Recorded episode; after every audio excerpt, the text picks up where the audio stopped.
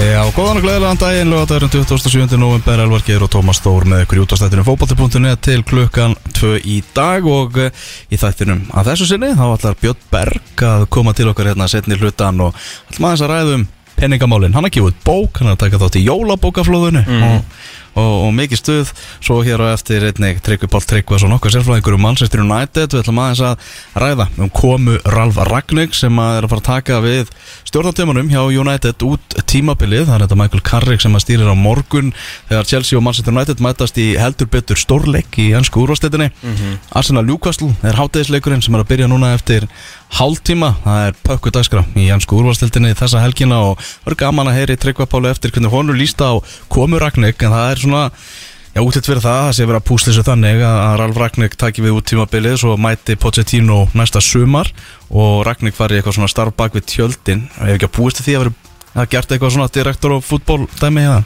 Ég held að vera ekki þessast mögulega mun að breytast Þannig ég ætla ekki að segja nei strax En uh, sem sagt, uh, orðalagi sem var notað Að hann vildi ekki skrifa undir Fyrir að hann fengi tveggja ára uh, Starf sem ráðgjafi mm. Þannig að uh, hann fær að uh, koma að málunum Og uh, ég held að Manchester United gert, gert miklu Heimskulega hlutu heldur en að ráða Ralf Rannik Sem knaspindustjóra Já. uh, Nei fyrir ekki sem hérna direktor á fútból Eða sportsdirektor Mhm. Það gert ótrúlega hluti Og, og hérna Tryggvi kannski segir okkur meira frá honum Ég er enda búin að stúdira Rannik í svolítinn tíma Eftir ég Já. las hérna Uh, Sonal Marking, The Making of European Football bókina þar sem að, uh, auðvitað, eðlilega mikið talað um Rannik þar sem hann er svona kallaður uh, svona skapari hins svona nútíma þíska fótbolta sem að er, já, ansi góður allavega hann svona skömmu eftir að hann uh, kannski ég var að segja letti breytingu, þannig að gerir þetta engin einn en Nei. allt í einu eru, þú veist, ef við myndum ef við myndum beða mig núna um að telja upp fimm bestu stjóruna í bransanum þá myndi ég líklega að setja fjóra þjóðverðar og Guardiola Já. og ég ætla að segja eitthvað sko Mhm. um, um hvar þjóðverðarnir eru en hérna, þetta verður mjög áhugavert og ég hlakka mikið til að spila trygg á því að ég sá að stöðunum sem er Manchester United voru gríðarlega peppaðir uh, fyrir þessu en uh, ég hlakka mikið til að heyra hvað hann segir um það að uh, mesti svona byggingamæðurinn í bransan mm -hmm. Rannik er, ég veit ekki hvort þú hefur séð tísti hjá hérna, stórvinn okkar Michael Jokin Ísraelunum, ísraelska bladamanninum par excellence og mikill fótboltapenni sem skrifaði að þetta væri versta ráning sem hann geti ímyndað sér Nú, þar sem að uh, hann vil fá tíma hann þólir ekki að vinna undir pressu hann vil náttúrulega helst bara fá tíu ár þú veist, ekki sex mánuði Mhm. en hann er mættur í slökkvistarf Já. þannig að þetta verður mjög áhugavert að sjá hvað hann er að gera en kannski er hann í raun og veru bara komin aðeins að laga hlutina innanvallar en er í raun og veru að stefna að laga hlutina utanvallar eins og kannski kemur fram í þessu tveggja ára ráðgjáðluturki þannig að það verður fróld að vita hvað svona tryggðu er búin að sapna sér upplýsingum um það. Auðvitað hérna, fluti af, af rauðudjöflónum.com já, heldur betur. Heyrðu, við ætlum að byrja samt á því að líta þess á innlendu fréttir vikunar og þar byrja náttúrulega hæst uh, þessi frétt sem kom hérna í, í skjóli nætur nánast um það að Eður Smári væri farin uh, maður myndi halda það að Þórir, Þórir hérna, Hákonarsson væri brænt og framkvæmdastjóri með tímasetninguna á tilkynningunni. Bara frettir og, og meðasölu verið bakara. Já, akkurat. Það hefur eitthvað kott þarna fyllt mælinn og, og eitthvað alls konar sögur í gangi og eitthvað. En alltaf að ljósta að Eðursmári er farin, það er hafið leitað að nýjum aðstofþjólóra fyrir Arnar Þú Viðarsson og staðfest svíðin bara algjörlega komin á það að Þú Viðarsson fær tröstið áfram til, a, til að leiða þetta landslið. Þannig að nú er það bara hann sem er að fara að leiða leitað að nýjum landsliðstjálfara þetta var pirrandi vika fyrir íþróttafréttamenn eins og bara allir hafa tekið eftir. Mhm. Ég held að hansi margir, er maður ég sem að stegu hérna fram og já, bara pyrraðar yfir fjölda mist call til, til KSI, það sem að já, vanda bara svaraði ekki í síman og endaði með því að, að senda þarna yfirlýsingu. Og þetta er svolítið þvert á það sem hún var að segja hérna í útastættum hjá okkur bara fyrir viku síðan. Það sem hún var, við vorum að spyrja hann út í þá gaggrinni sem hún hefur fengið og, og komandi uh, ásþing, hvort það sé ekki vera svona hvernig henni líst á að fá mótframbóð og allt það. Og, og hún sagði bara ef ykkur er eitthvað illa við eitthvað sem að er ósátt með eitthvað, þá bara hafið þið samband og við tökum bara samtalið. Það er þú svarar ekki síman sko. Já, algjörlega og hérna ég sá að uh, hinn fyrir um mæti að blaða kona á mikill fótbolta ástriðu hérna kona Ingibjörg Henriksdóttir bliki Mhm. hérna var nú aðeins að hérna var ósamála því sem að þú skrifaðir á, á Twitter þegar þú dróst hann inn, inn launin og svona og hún og önnur sem að svaraði þér svona fannst mér uh, svolítið eins og þú verður að hjóla í mannin sko þetta var náttúrulega þú minnst að skrifa þér í tístið að þetta snýrist náttúrulega líka um fyrrum formann. Já, þá er bara, þú veist, í raun og vera að skipta einhver máli hver situr þarna þegar að sem sagt, svona mál kemur upp sem bara með því starfstæðu sem við séð þá hlýtur náttúrulega einhver að þurfa að fronta þetta. Mhm. uh, í fyrrum, í stjórnatíð Gunnar Bergsonar þá náttúrulega oftar en ekki ef eitthvað bjátaði á þá var hann náttúrulega brunar upp í sömbústað en þá var, þó Klara Bjartmanns allavega mætt alltaf, það var allavega framkvæmda stjóri sambandsins sem svaraði fyrir það Mhm. þátt fyrir að fjölmjöla gáttu orðið mjög pyrraðir að það var alltaf Klara greið sem þurfti að svara fyrir allt en þá var allavega annar og tveimur æðstu uh, starfsmönnum sambandsins mættu til þess að svara Mhm. uh, þegar svona gerist þá verður einhver og þó að, að sko maður en bara ef hún hefði sagt í raun og veru uh, innihald yfirlýsingarinnar í kameru, hvort sem að það væri við bara rúfið að stöð 2 eða fótbolta.net það skiptir ekki máli fatturu veist, það var það sem fólk var að byggja um að einhver myndi fronta þetta.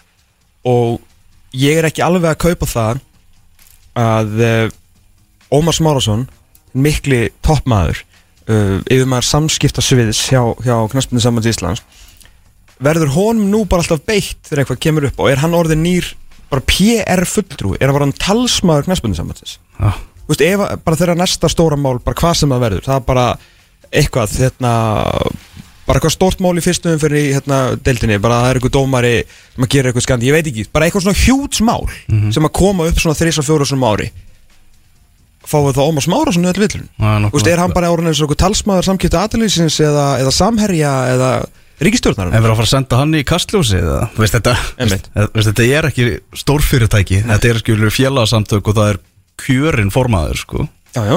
Þannig að mér finnst bara klálega Hann er að fronta það Starfsfólk KSI á ekkert í KSI sko. mhm, Þau eru að vinna fyrir félögin. Mhm. Þannig að þú veist, þetta var ekki, þetta var ekki gott en síðan bara, þú veist, fólk læra af þessu. Ég vona það allavega. Já, það er vonandi. Að hérna, en já, ég hlakka samt til að sjá hverju eru næsti aðstofþjálfur Já, það er einmitt spennandi að sjá. Maður hefur heyrt nafn Óla Kristján Svolítið, nefnt Svona Já, um leið og hann steig inn í hérna KFC úlpuna. KSI úlpuna með, með Davísnóra hann um daginn því að hemmi náttúrulega því miður, skamlífur vantarlega sem myndi 21 ás aðstofþjálfari Já, um, hann er vantarlega að fara að segja því lausu, þú mátt ekki vera náttúrulega í efstu deild með 21 Já, það er alltaf svona á gráu svæði kannski. Já, já, en þú veist, ma- maður veit ekki, maður bara svona einhvern veginn heldur það því hann verður alltaf, já, við sjáum til hvað verður Þetta var alltaf stór vísbending um það. Vissulega, Já. vissulega, þetta var bara eitthvað annað verkefni eða eitthvað og hann komst ekki með í það og, og, hérna, og besta mála, hann bara er með draumum að þjálfa á, á háu leveli og við komum núna aftur í hérna, efstu deild með sitt uppeldis félag um, og fyrst Óli Kristjáns tók þetta og hann svona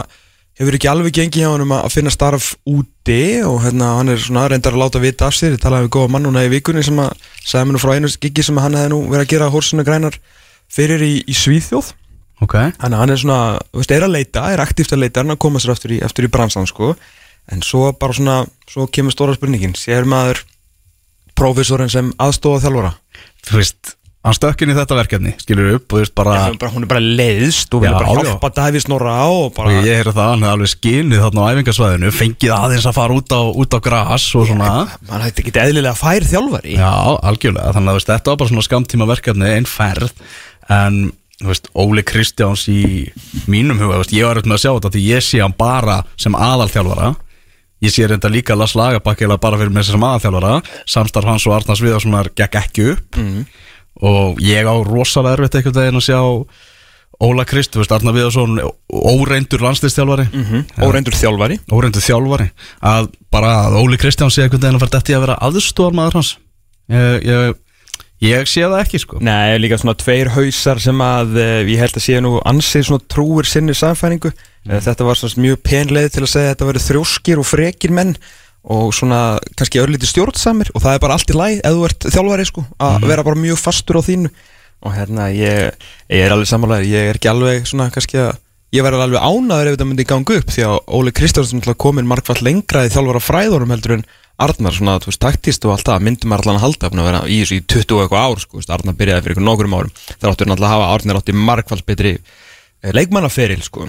En, en, en ég en ég held, er ekki alveg morgunljóst að Arnar þó við að svona þarfsamt eitthvað reynslubólta Jú, ég held það, ég held að þú veist bara landsliði þurfa uh, en þú veist ég, sá fjóru því þrítala um hérna Erlendan Já. hann náttúrulega býr í Belgíu og er með Já. rosalega hérna vantilega mjög stórt tengslanett þar og Mm. ég, ég, sést, ég er eiginlega kemur minnst á orð að við fengjum eitthvað svona einhvern mann úr, frá, úr, úr Belgíu, hvort sem hann sé hollendingur eða Belgíu eða eitthvað, svona einhver sem hefur verið í kringum þetta þar, en það sem Arnáð held ég verða að passa sig á núna í þessari ráningu og ekki það að hann hafi verið með það en hann svona ég held hann hafi gert óleik þegar hann let þarna Lars Lagerbäck fara það var mjög skrítið, mjög skrítið að vera svona óreindu þjálfari og uh, hafna í raun og veru svona mikilli reynslu. Það er skrítið. Mhm. og hann þarf einhverja reynslu með sér. Þú veist, við höfum alveg séð það að það þarf hann, veist, hann þarf einhvern mann sem að svona kannski, já, hefur, hefur fleiri ár undir belti í þessu segir alveg nei við hann og Arna verður náttúrulega líka geta tekið því sko, það er náttúrulega hluta því að læra sem þjálfari sko, Mhm. þannig að eh, já, ég, var, ég, ég veit ekki alveg, þú veist því ég sé hann að gæði ekki alveg hérna heima sko. Nei. svona hennan, hennan reynslubolta sem er ekki kannski með draumin um að verða bara þjálfari sjálfur strax aftur eins og Óli Kristján sem er alltaf bara að býða eftir næsta gigi Akkurat. Já, þetta, við fáum allavega veist, það liggur ekkert á þannig að sé það allt og mikið á að, að finna þennan aðstofamann Nei, nei, nei svona- Neitt sko. Já, það er langt í, í næstu verkefni Er það annars sem var náttúrulega að gerast það var fréttamannafundur hjá Víkingum í gær þar sem að bakverðir voru, voru kynntir. Mm -hmm. bakver, fjölhæfir bakverðir eins og Arnar Gunnarsson sagði, menn sem geta alveg leist aðra stöður. Vissilega Já, náttúrulega Karl Friðlefur sem var á láni frá, frá breyðabliki kominn alfarið og svo er bara Davíð Rötn Allarsson eins og hann sagði, ég var bara lítið tímur og mér langaði heim sagði hann í, í vitari Já, allt annað hefði bara verið lígi Þannig að það var bara gott að hann bara hjólaði þessa setningu Því að hann bara er, er sannleikurinn skrifaður þarna sko. Já, mikið meittur, þannig að svona þetta mút til breyðabliks var ekki eftir, eftir hans vendingum og meðan var líf og fjör í vikinni, svo vægt sér til óra tekið Já, þetta er þetta svona, þetta minnir mér svo litið á uh, þegar Haldur Óri Björnsson fór í, fór í Viking akkurat árið sem að stjarnan átti þetta drauma tímabil og svo kom hann heim og svona má alveg segja hann að náttúrulega hann hafði aldrei fyrri fór, í- fór í annan viking samt. Já, já, fór, já.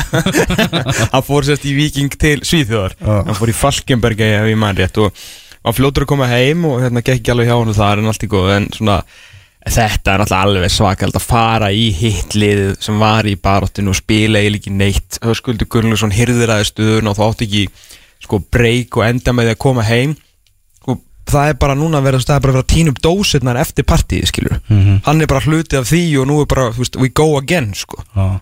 þannig að ég get ekki ímyndið að vera hversu hversu erfitt þetta hefur verið fyrir, fyrir Davíð sko en hérna en hann verður bara þú veist að býti það súra. Ég, meni, ég þekki Davíð ákveðlega og get alveg sagt það. Meni, og hann veit það alveg sjálfur að hann var búin að vera þarna nánast á útleið í, í nokkur ár. Það var alltaf eitthvað, hann vildi alltaf eitthvað komast í burtu saman hvort að það væri til að fá nýja áskorun eða þú veist launahækkun eða eitthvað. Hann var svona Svolítið, þú veist, þetta kom semst ekki niður á hann minn á vellinum, hann var náttúrulega alveg frábær og umtalaður sem eitt besti bakur í deildarinnar, sérstaklega hann á 2019 tímbilið þáttur að liði kannski ekkit verið neitt eitthvað frábært fyrir utan náttúrulega byggamestaratitilinn að þá var hann verulega góður.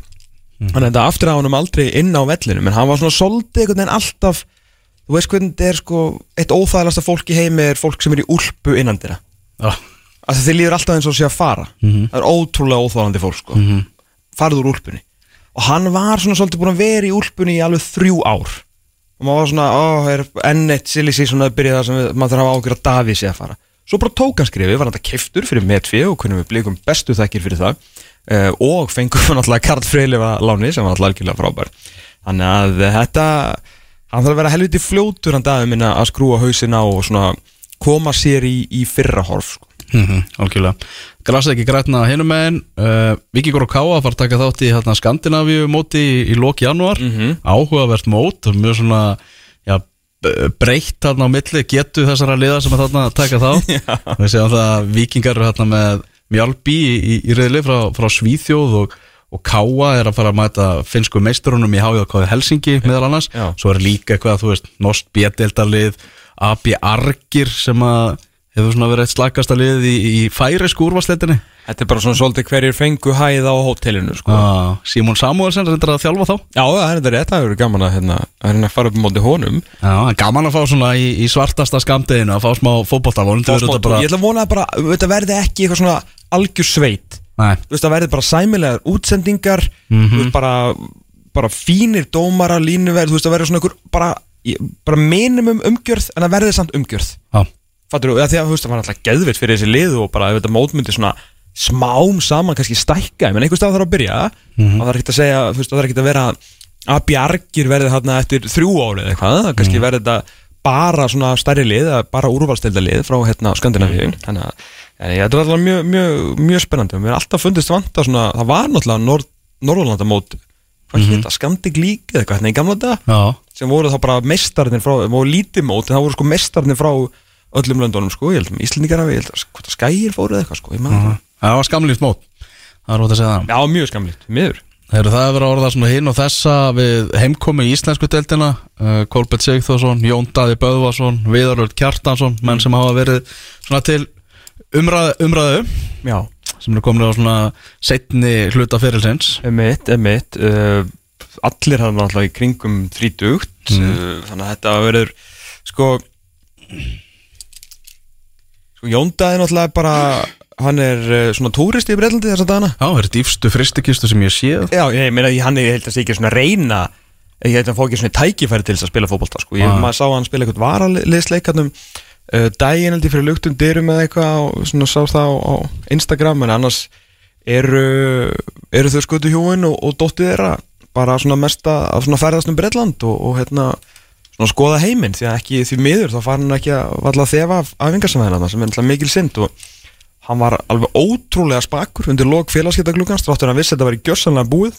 Mm þá við staðin fyrir að stökkva bara á eitthvað ákvað hann nánast bara henda hálfu tímabili af ferlinu sínum í ruslið til þess að fá vonandi að fá eitthvað eh, gott múf fattaru í janúar. -hmm. þetta er náttúrulega mjög skrítið, skrítin staða sko. Já, þetta er það.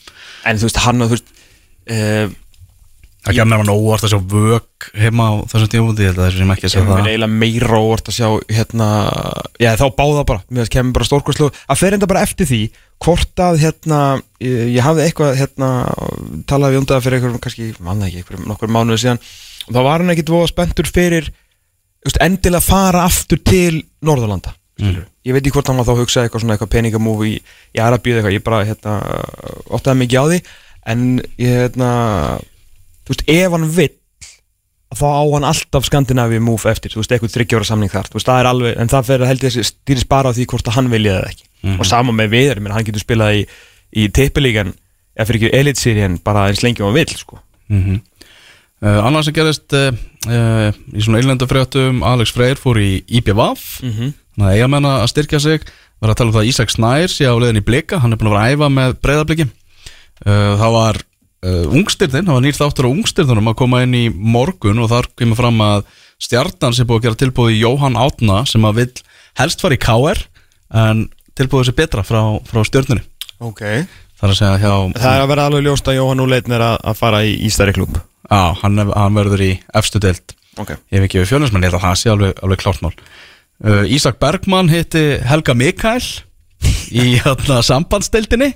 Ísak Bergmann náttúrulega raunaði hefur Helga Mikael á, á Instagram í sumar. Herru, hann tók bara pappa sinn á Instagram, gaurinn bara misti vit, ég var búin að gleyma hvað þetta var mikið, þetta var bara svona Instagram story röð, þetta var ekkert eitthvað ein mynd, sko.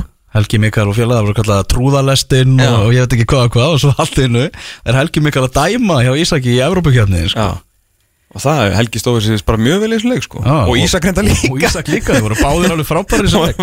Ná, virkja það kraftin í hverjum öðrum sko. Var ekki tvær stóðsendingar og mark hjá Ísak? Jú, og Ísak átt að skora líka eitt mark í viðbjóð Því að ég held að hann að móka boltanum framhjóði yfir bara á marklínunni sko. Að það geta að fara í þrennuna, Vel gert. Já, mjög vel gert sko. Já, já, við elskum sambandsdeildina sko. Já, sambandið okkar menn. Já, já, þannig að það, Ísak fór ítla með, með, með okkar með frá Gíbraltar hana í þessum leik. Þetta er, þú veist, Gíbraltar er í sambandsdeildinni þannig að Ísland hlýtur að fara þetta í sambandsdeildina Já. Uh, Rúnar Alex fekk loksins deildarleik í Belgíu gær. Á saman tíma og uh, Elias Rafner dóttin á bekkin aftur fyrir Jónas Lössul hinn leiðilega Já, hinn leiðilega Jónas Lössul uh, Sko Já, ég er ekki ánað með Bó Henriksen Ég verð að segja það sko. Ís, Hann á að vera Íslandsvinnur sko. Já, hann var alltaf Ég Númer maður eitt þegar og... hann var á Kjelti Kross alltaf í púp og, og ress og kátur sko. Aha. Já, já, já. Já, ég var alltaf ekki að, ég var ekki að jamma á þeim tíma sko. Ég er eini maður á Íslandi sem fór aldrei inn á Kelti Kross. Fyrir mér var þetta bara svona einhver huldustæður En hérna, ég má bara eftir húnum þegar maður var að byrja í hérna byrjaði í blagamönnskunni á .net á sínum tíma að þegar maður fór á, á hvernig maður var að spila með 2006 hvort það var frammi í BF eða eitthvað að uh, eftir leik, þetta var í frostaskjóli og K.R. þá á móti liðinu sem hann var í hvort hann komin í val, eitthvað anskot, það skiptir ekki máli að þá var ég að fara í viðtölin bara við húsið eftir leik það eru svona liðina svona 18 sekundur frá að flötu til leiksloka og Bó Henriksen er alltaf sjálfsögð að fá sér síkó bara basically á vellinum sko. Já, ég er bara hvaða töffar er þetta sko. en ég er ekki ánægð með hann hana. ég er bara mjög ánægð með hann með markbúr sem er bara staðið sér vel. Um, FC Midtjylland þykist uh, standa fyrir það að spila ungum drengjum til þess að búa til söluvöru að selja sko leikmenn fyrir ég veit ekki hvað og hvað og hvað. Og svo farin á að setja eitthvað nokkuð mörgum daginn einu sinni og einu sinni búin að vera algjörlega frábær. Og löslarnum sem alltaf pottið búin að vera vælandi. Já, hann pottið búin að vera grenjandi núna síðustu vikur sko. Hún er bara henda aftur í raman Mhm. að það er svona þægilega Mhm. en ég veit það ekki Mér stiplum þetta sjálfsögur bara sem veikleikamerki á bó. Hann sé bara ekki með, með nef, nefið í þetta. Einhver staðar, Kjartan Henry núna sko skallandi veggir og það ekki bó vel og alltaf útskýrt fyrir okkur. Hann sé svona frábær einmitt svona mann-mannati sko og kannski var En hann við erum bara hlutræðir Íslandingar Já, og sjálfsögða, sjálfsögða sko. En bó er náttúrulega halvur íslendingu skilu Þess vegna erum við svo reyðir út í hann sko. Það er nefnilega þannig sko. Það hafa, hafa Elias í markinu. Mm Það er okkar vilji Herðu, þetta voru svona íslensku fréttinnar Við þurfum að skoða Erlendu hérna er rétt á eftir Herru, sorgaf réttir Nú. í fyrir þetta hefur mig Nú, Stelpunar okkar, þær eru tóku frábærtlið Japans í. Amika leiknuna 2-0, svendist ég einn algjörlega geggjuð og, og hérna, ég held að þessi ráninga á, á Steina hafi verið ekkert minn heldur en frábær sko. Ég er hann mjög spenntur fyrir þessu hérna, bennaliðin okkar og EM á hérna, krakkavalla EM hérna á næsta ári sko ég sótti um miða að sjálfsögðu. Alltaf sjálfsögðu að fara að sjá stelpunar okkar og sótti um, reyndar ekki, ég sótti ekki um dóttir miða. Að vera með íslensku stuðnismönnum bara því ég vissi ekki að vera til. Já, ok. En ég sótti sérst um miða fyrir mig og sunnu Mm. á báða leikina. Reyndar held ég náttúrulega að það áttu náttúrulega að vera tveir leikir í róðherra en eins og þú útskýri fyrir mér að þá var, það, var því breytt vantilega því að frakkarnir alltaf bara að vera í róðherram Mhm. og ég get reyndar ekki beðið eftir að sjá frakka dvelja í róðherram í, í tvær vikur, það verður mjög fyndið. Ah. en hérna uh, svo, Flotti sníklarnir í, í róþurum Já, einmitt, svo, svo mæta, mæta borg. Hérna, en ég sótum tvo með það á hérna, skal ég segja er um, krakkavelli hérna Master City, þar sem að stelpunur okkar er að fara að spila fyrstu tvo leikina. Mm. tekur hún bara, hvað, tekur hún ekki fjúgast manns eða eitthvað? Á rosalega lítill. Og með var sinjað Já. á fyrstu tvo leikina Ég heyrði að það var að, sem að setja upp svona bráðabyrastúkur hérna fyrir aftan mörkin, það er bara stæði fyrir aftan mörkin sko. Aha. Það var að pæli því og þá koma þér eitthvað, ég veit það ekki. En nú er það náttúrulega að treysta á að þeir sem að pöntu þessu með það skilur í hérna sem ég var að panta ég Já. hérna panta alltaf sjálfsögur kategóri 1 með það alltaf láta það fara vel um mig uh, en það kostar þetta ekki neitt sko kefti fjóra með á 80 pund en það kefti ég ekki neitt, ég fekk ekki með hana en uh, Ég heldur þetta í þessum velli þá eiga bara, þú veist, öll sætin eiga að vera í sömu kategóriu sko. Já, reyndar. Þannig að ég vonast til þess að einhverjir muni svona brenna yfir að ég jóla kaupunum og get ekki borga sína með það þannig að ég geti nú komist. Annars vil ég svona beina þetta sambandsins að ég er nú alltaf laus í eitthvað svona eða vil ég taka með í vippið eitthvað sko. Því mér langar mjög mikið að fara sko. Já, langar mjög mikið að fara og mér finnst ömulegt að sé að fara að spila okkur um 4000 manna velli sko mhm. Það er risastór öllur átta við hliðina sem þetta er að nýta. Já, tveir, já, ertu meina bara að sitja í völlur sjálfur? Já, bara vá. hinum með við göttuna. Hérna með guttuna Þannig að Já, ég er ekki al- alveg nú ánægð með þetta sko. En við, ég vonast, vonast það besta. Mm -hmm. Er það sem heyri tryggvapáli hér á eftir um eh, nýja stjóra Manchester United sem var reyndar eftir að, að kynna. En uh, ætlum að mynda okkur í tónlist og já, ja, við erum hérna í seg að sjálfsög, tónleikar í kvöld. Við er erum skemmtilega til ég var að fá skilabóð fyrir mínútu. Get ég fengið sign? Já, sektarkjönd Á, annað tveimur húsböndum uh, Þáttarins. Löngu, löngu uppselt þannig að þeir geta ekki fengið miða þeir eru alltaf að spila á yðnú í kvöld og ég held að verði ógæsla, ógæsla gaman. Þú ert að hlusta á fótbolti.net á exinu 977 Fótbolti.net heldur áfram á X977 Við ætlum að fara að færa okkur til eh, Englands. Nána til tekið til Manchester Þar sem að eh, Já, það er komin, já, er að þetta nýr eh, stjóri í brúna Setni bráðabera stjórin af tveimur Michael Carrick stýrir mögulega sínum síðasta leik og er á vonandi sínum síðasta leik á morgun gegn Chelsea Því að, ég og Bjarni Þór Viðarsson verðum um þetta á Old Trafford á 15. skvöldi þegar að Arsenal kemur í heimsókn og það væri nú ekki amalett að fá einn Ralf Rannik kynntan þar. Já, Ralf Rannik, eh, kallaður höfundasmiður nýja þíska fótboltans uh, gerir frábæra hluti með Leipzig, var aður hjá Stuttgart og uh, Hoffenheim og Schalke. Mikill hugsuður, mikill pressumaður, mikill reyndar svona byggingarmaður, þannig að svolítið kannski förðulegt að hann sé að taka að sér bráðabyrða stjóra hlutverk en ætla sér mögulega að koma eitthvað að hlutunum svona setna meir allavega hann er búin að semja um uh, tveggja ára svona ráðgjafa hlutverk ofan á allt saman. En það eru akkur slett vika að verða frá því að Manchester United tapaði fyrir Watford og Óli Gunnar Solskjær var látin fara og á línunni. Er okkar maður í Manchester United fræðunum í betni frá Akureyri Æsland, Tryggvi Pál Tryggvason, hell og sælvinur Góðan blessan daginn. Herru, hvað segir þú, hvernig ertu áður en við förum í, í, í Rannik, svona bara til að að gerum aðeins upp þessa, þessi þrjú ár með, með honum Óli, Óli Gunnari. Já. Á ég bara að byrja það? Já, takk Já, ég, þú veist, þetta var...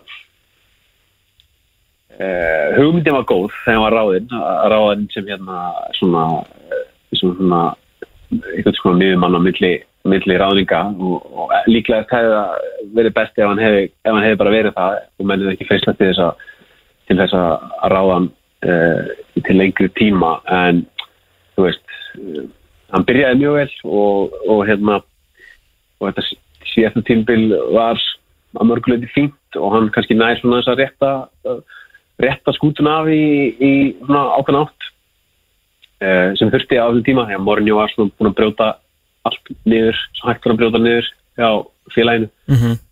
leikmannakaupin hjá Solskýr hafa þú veist, á mörguleiti verið ágætt þú veist, ég meina að horfa á leikmannhópin þá er hann á mörguleiti tiltörlega spennandi og það þurfti að, að laga til eftir eftir fyrsta lagi Lúi Van Gaal og, og svo líka uh, sem e- e- eimir ennþá eftir að honum í, í hóknum sem mm -hmm. þarf mögulega að laga. Þannig að svona, það er eitt og annað sem var ágætt en svo kannski svona og voru alltaf vísbendingar um það að þú veist kannski taktísi að væri hann ekki nógu sterkur þó hann hefði náð svona mótivera menn upp í alveg svona þokkalegar hæðir, náttúrulega ekki nóg fyrir United en, en samt alveg svona allt í lægi, þá náttúrulega þá náttúrulega eða voru eitthvað taktísk göt á liðinu þá, þá hérna sökkvætti bóts í á þessu tímbili eða bara síðastu síðastu tvo mánuði hefur liðið bara verið yfirspilað okkur með einsta leik. Mm -hmm. Saman hvort það heiti eða Watford sko.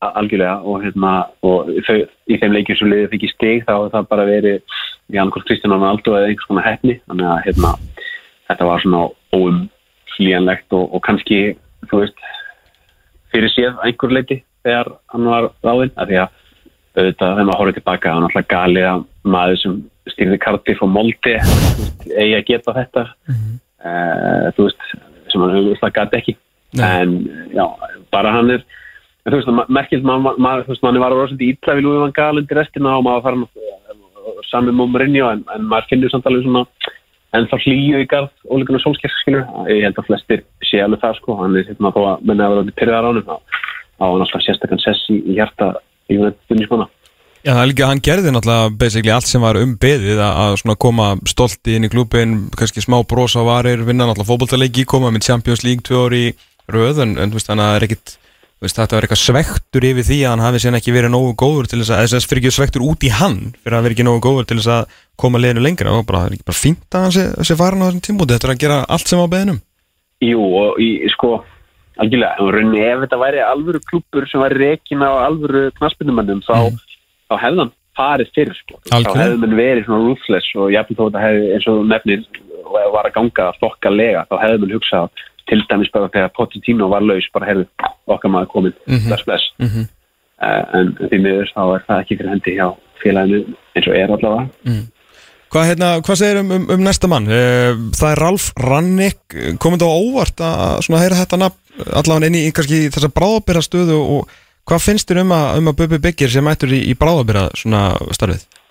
Já, þetta kom, sko, þú veist, þetta nafni búið að vera svo sem alveg í, í svona, í ringiðunni, alveg hér og þar gegnum árin frá því Þorkarsson hætti, sko, og hann var, kom eitthvað snemmi ljós að hann var einn af þessum fimm kandidatum sem var að tala um, en ég, þú veist, ég átti ekki vonaði að, að það myndi ekki gerast, sko, að maður myndi ná að, að koma mjög burtu frá, hérna, að því, já, eins og segir, ég, þú veist, mann er svona á yfirborðinu kannski hálsás dýll, ekkert sérstaklega heitlandi sko en hérna ég held að flesti séu bara mjög ánæðir og hérna tala nú ekki um fyrst að það er þessi, þessi svona gulrótum um að hérna, hann fari inn á skrifstofana í að minnst fyrstu tvö ár. Mhm. þá kannski vonum maður að hann geti þá orðið konar svona de facto direktor á fútból og hann kannski fá ekki þann titil endilega. Nei, og þá kannski geta uh, útvort eða aftæki hans í þetta annátt sem merkilt nokkuð er með nákvæmlega sömu félska og ett útvort að nánast þessum menn hafi bara klónað útvort til þess að finna aftækans hann kannski bara hugsa um viðskiptarliðina og þú ert þá komið með alveg knaspunumann til þess að hugsa um fótboltaliðina sem er eitthvað sem er sárlega vant á. Mhm. í, og segi kannski líka eitt hvað maður var orðin langt leittur einhvern veginn hvað maður er komin djúft niður á botnina, þessi nöfn sem voru nefndi svo Ernesto Valverde og Rúti Garcia maður bara, já þetta er bara þú kannski svolítið spennandi sko. Uh, sem náttúrulega auðvitað í rauninni var ekki sko, þannig að ég held að af þessum svona bráðaberghandutum þá er þetta svona mest spennandi nafnið.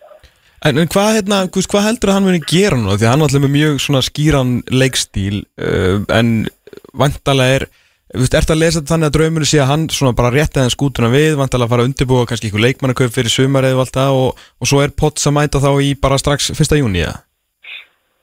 ég mynd það er svona augljósa plani sko, Já. verðist vera uh, En hann og Potts náttúrulega spila ekki sama fótboltan, sko.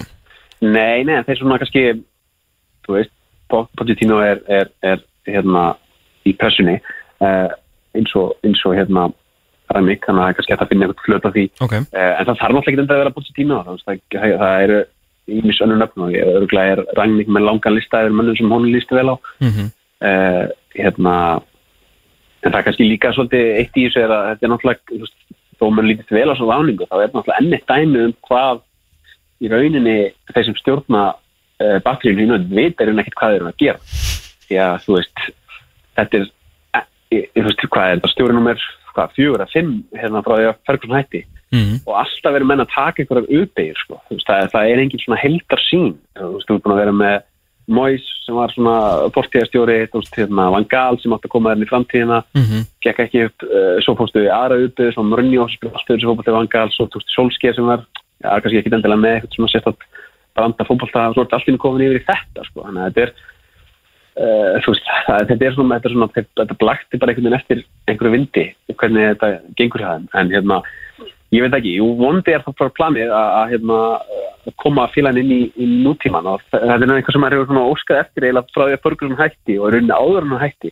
Því að síðustu árinu Ferguson var kannski félagið þó þeirra unni titla, þá voru nú kannski ekki að spila eitthvað svona groundbreaking fótbolta eins og bara til dæmis þegar Barcelona valtaði yfir það í úrslutum mestraröldana, það var svona nútíðin mættir fortíðinni. Mhm. Og við hefum aldrei verið með svona nútíma stjóra sem er spilað nútíma fótbolta.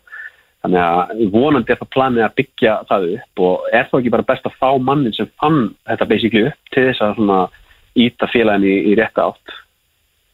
Jú, það, er jú, að, það er það sem að vona sko. Já, algjörlega, algjörlega, það er svona, svona fannst maður bara svona að stakka aðeins í stúa með, með þessar sex mánuði en vantilega á hann að Já, svo, svo segir maður, þú veist, á hana að gera eitthvað, myndi maður halda, þú veist, sérstaklega hann fær eitthvað svona tveggjóra, hérna, ráðgjáð hlutverku og svona, en síðan að það þarf, þú veist, Ed Woodward eða hver sem er, þú veist, nýja Ed Woodward eða, þú veist, hvað heitir hann þarna, John Mitchell eða, mann ekki, Richard Arnold tekur við af útótt já, og, og Darren Fletcher og þessi gæði, skilu, þú veist, þeir þurfa alltaf að sleppa, þú veist, láta hann fá allavega svona helmingin af liklakipinu, því hann alltaf veit meira en þessar menn, sko, allir til samans. algjörlega og ég, maður svona vona kannski að, að, að hérna, það hafi kannski verið hérna, einhvers konar svona gullróti fyrir hann, hann hafi kannski fengið einhver að að, að því, þú veist, eins og segir, þetta er, þetta er svona uppbyggingamæður og hann er búin að, hann eitthvað miklu tíma hjá Hannover, nei, hérna Hoffenheim, mm -hmm. eða miklu tíma hjá Leipzig, líklega var planið hjá hann með miklu tíma hjá Moskvu. Uh, ég held að minn yfirgefi ekki þannig störf eins og dæmis hjá Moskvu þó að þetta sé kannski mest spennandi klubur í heiminum en alltaf að þá hafði hann væntalega það- þau völd sem hann vildi þar Mm -hmm. ég efast um að menn hætti farið færistóðu bara til þess að stö- stökkva til í hálft ár og stökkva svo út aftur.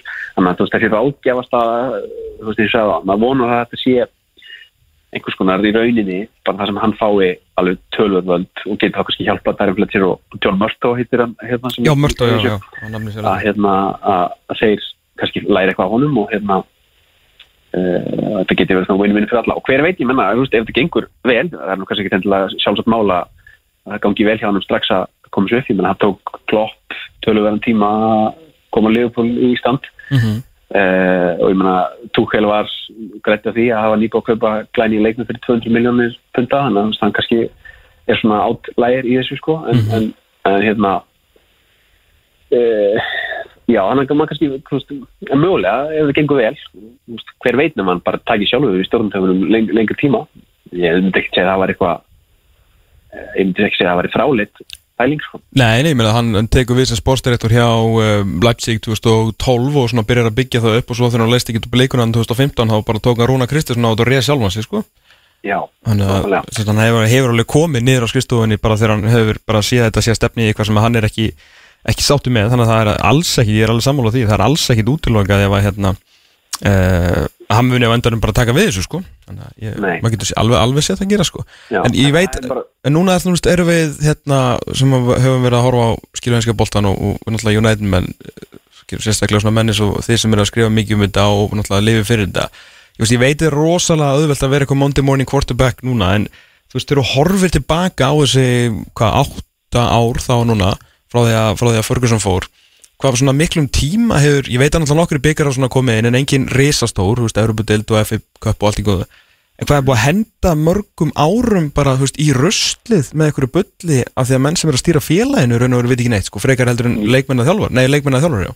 Já, já, og bara tíma og greiðilega fjármunum sem fjármunum, já, heldur betur. sem hefur verið að nýta til að byggja upp uh, hérna alveg, uh, þú veist, stórkostlega knastmiðli en það, það kannski er bara þessi sín sem hefur skort, ég myndi það það hefur ekki verið einn svona heldar knastmiðli sín yfir hvað á að gera, þú veist, þeir hafa ráðið þannig fjóra mismundi stjóra sem allir með mismundi sína á, á fútboltanum og það er kannski einmitt það sem að vonur með þessa ráðningu er að nú séu þeir sem eru að stjórnaði félaginu svolítið afsala sér þessu knastmiðlega yfir til eitthvað sem veit allt um það. Já, já, já, einmitt, einmitt. Og hérna, þá kannski, þú veist, er hérna, ég las svona ágætt að greina um þetta sem var að tala um menn þyrfti sko og eitthvað líka sem Kristinn allir var að tala um innan daginn þegar við vorum að spjalla saman fyrir 2-3 vikum. Að menn þyrfti svona afsal sér þessari 1999 hugsun sko hérna, þú veist, sem Solskjaer var svona mikið að vinna eftir, þú veist, við erum aðeins nættið við vinnum alltaf einhvern veginn bara. Uh, hérna, leikurinn er 90 plus og þetta rettast já, þú veist, sem gekk rosa vel í mjög langa tíma og hérna, en það er bara á ekki við lengur. Nei, nei, Eh, þú þarft miklu meira og hérna, vonandi er hægt að er þetta eitthvað sem færi félag inn í nútíman inn á fótballtölinum sem það hefur ekki verið í langan tíma ég myndi segja síðasta svona nútímalega knastbiliði hjá Mastermennit það hefur verið félagi sem vann liði sem vann mestur þannig 2008 þá var United svona á toppnum taktíst séð sko. Önnur lið horfið á, það. Svo tók eh, Guardiola við með Barcelona og, og síðan þá hefur Mastermennit alltaf verið elsta og ég vil svona 2-3-4 árum eftir með hérna fótballtann sem við vilja spila. Mhm. Sem er ekki nóg gott. Nei, nei, alls ekki sko, hvar, hérna, stendur þú fyrst við erum með á línu, hver stendur þú í, í Ronaldo-málum? Er hann, eh, hvernig getur maðurinn sem að skora all mörkin verið dragbítur á liðinu? Það er mjög góð spurning. Ég, ég, ég hefði svarað þeirri spurningu, þá var ég ekki að vinna sem fréttamaður á, á stöðum 2. Eh, hérna, það væri þú yfir magnarskutumála já, það er ekki. En Það er alltaf verið líka bara mjög fróðlegt að, að hérna, sjá hvernig hann hérna, passar inn í þennan rængning bólta. Ég held að það sé alveg samt alveg hægt að færa rauk fyrir því að ég, þú veist, uh, hann hafa einhverju litið skemmt fyrir uh, Solskjær uh, já, fáralt að segja að ég menn, þú þú veist, hann passar kannski ekki fullkomlega inn í þetta lið en þú veist, þá þarftu líka kannski bara svona aðlæði að, að því því hann skora alltaf mörg og vondi getur ræðning gert það að einhverju liti. En það er mjög fróð að sjá hvernig, hérna, hvernig þeim á að vinna saman. Það, það er ekki sjálf gefið, sko. Ertu uh, nokkuð björnstund það að þetta enda nú ekki verður ekki verður heldur en fjórðarsætið bara svona miða við að rann ekki kominn og, og það er nú alveg strákar eins og Bruno og Ronaldo og svona sem getur unnið nógu fótballtaleikin fyrir þig Já, ég held að, ég held að, hérna, þú veist, það, til dæmis það er bara nákvæmlega sem Solskjaer gerði. Hann náði svona stabilisa liðið fokkala í vörn og svo og hérna, þú veist, Ragnir þarfir hann ekki að gera meina það. Það bara, það bara aðeins að styrkja, koma vörnin í stand og hérna, þeir sóknumennir eru það góðir að þeir geta klárað einhver leiti. Þannig ef þú færið eitthvað, uh, þú veist, það er svona lámarki sko, sem hann í sig alltaf að fara að gera en ef þú færið eitthvað alveg stjóra sem hann er, veist, þá er mjög spennend að sjá hvað hann getur gert úr því Það eru mjög góða leikmenn í, hérna inn, á, inn í félaginu sko, sem að mjög, mjög gaman að sjá spila undir svona alvöru stjóra.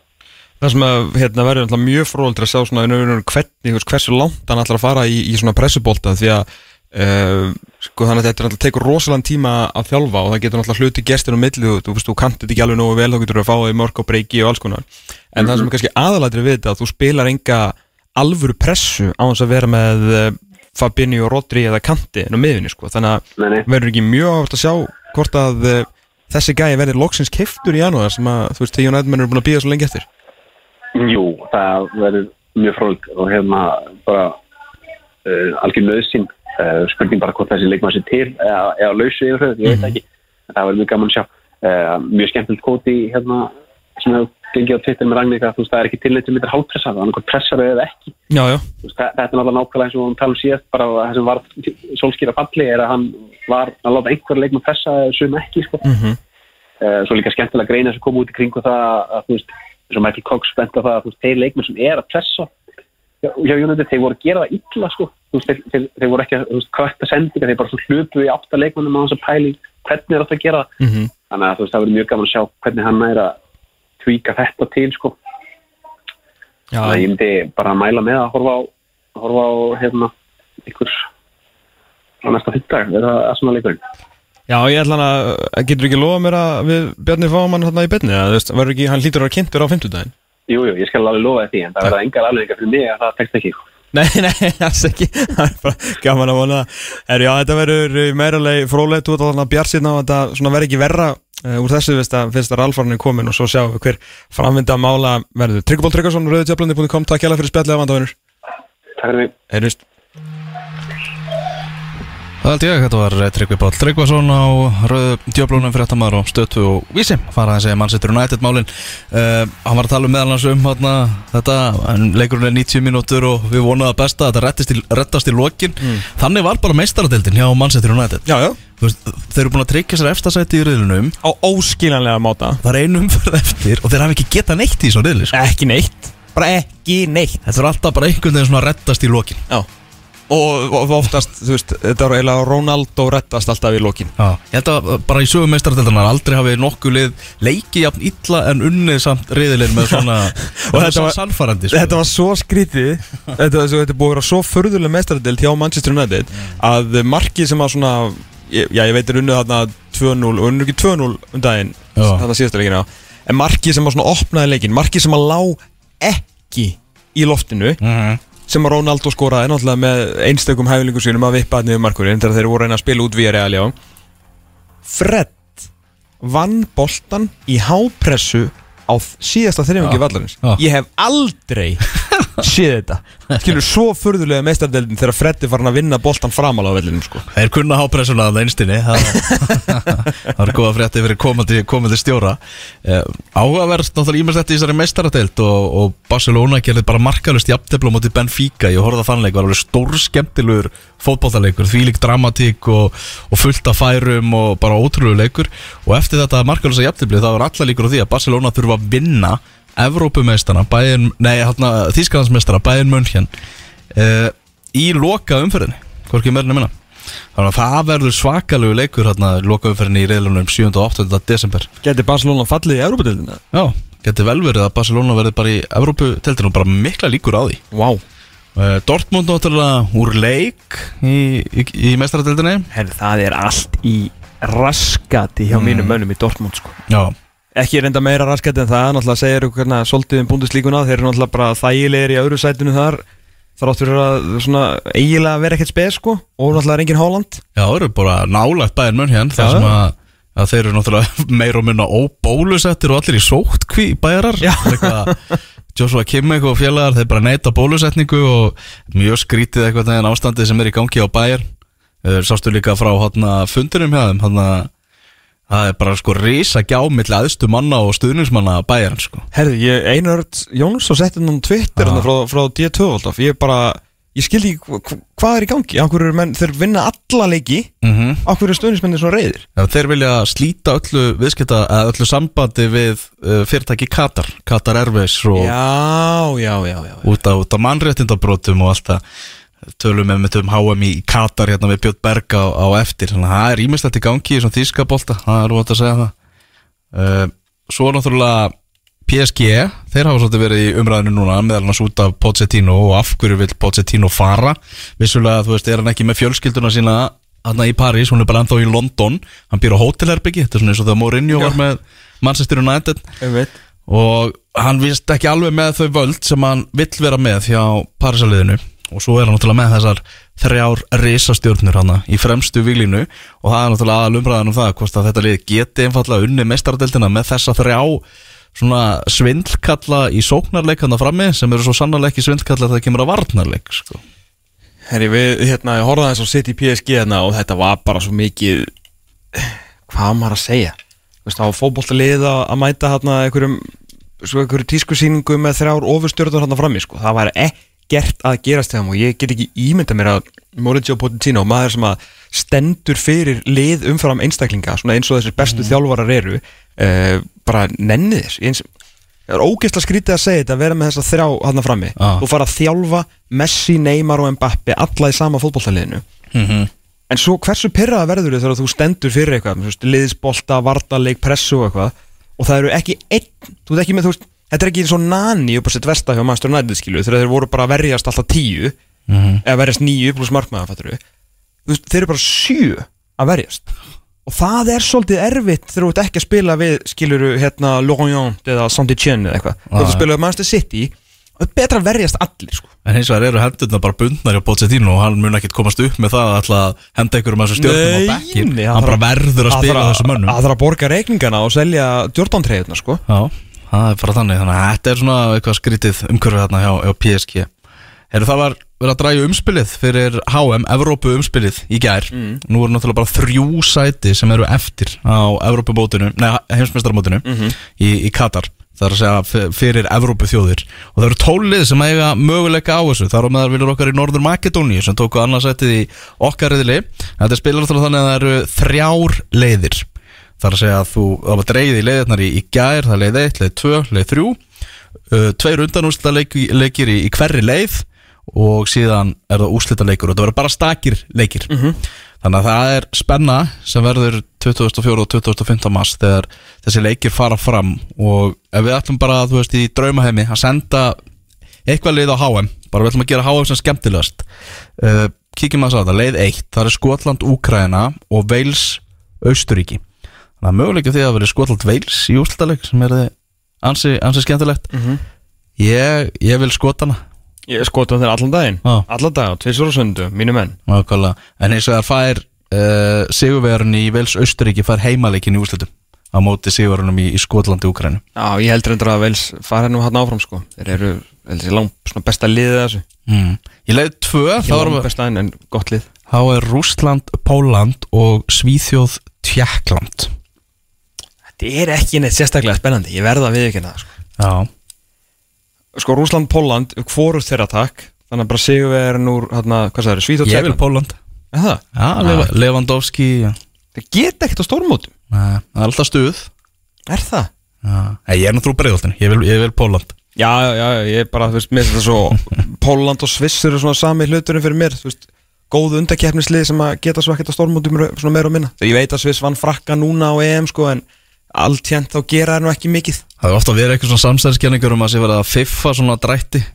Því miður þá var allavega ekki verið að fiffa allavega drátt í gær Því að í leið þrjú eru bæði Ítalía og Portugal. Já, rosalegt, hvernig geta menn látið þetta gerast? Ítalía, Norður Makedónia sem að Ítalía er náttúrulega alltaf að fara að vinna. Og svo Portugal Tyrkland. Og sigurverðan úr þeim þeim leik fær heimaleik í úrslitum. Þannig að það verður alveg hörkuleikur. Portugalar að sjálfsögðu sigur strángleiri með Cristiano Ronaldo hann í farabróti þannig að það gætu orðið sko Portugal Ítalía í úrslitaleiki leið þrjú. Evrópumestrar Ítalíu og svo Cristiano Ronaldo og félagar í Portugal. Já, við verum alltaf ítalan áfram eftir framgöngu þeirra á EM síðast. Spila flottan bolta, skemmtilegi leikmenn og Svalir þjálfara svalið þjálfara og svo náttúrulega viljum við líka bara að eh, hérna uh, fá þennan þjóðsöng viljum sjá það að syngja og viljum fá ástriðuna þeirra og bara, þú veist, skemmtilega lið, sko. Öskur söngur, það er um það byrð 60% sem eru sammála okkur í því í skoðanakunnun á fótbolta.net og um 40% sem vilja, vilja Portugal frekar. Þannig að það, þetta verður, þetta verður spennandi leikir hérna í marsmánuði.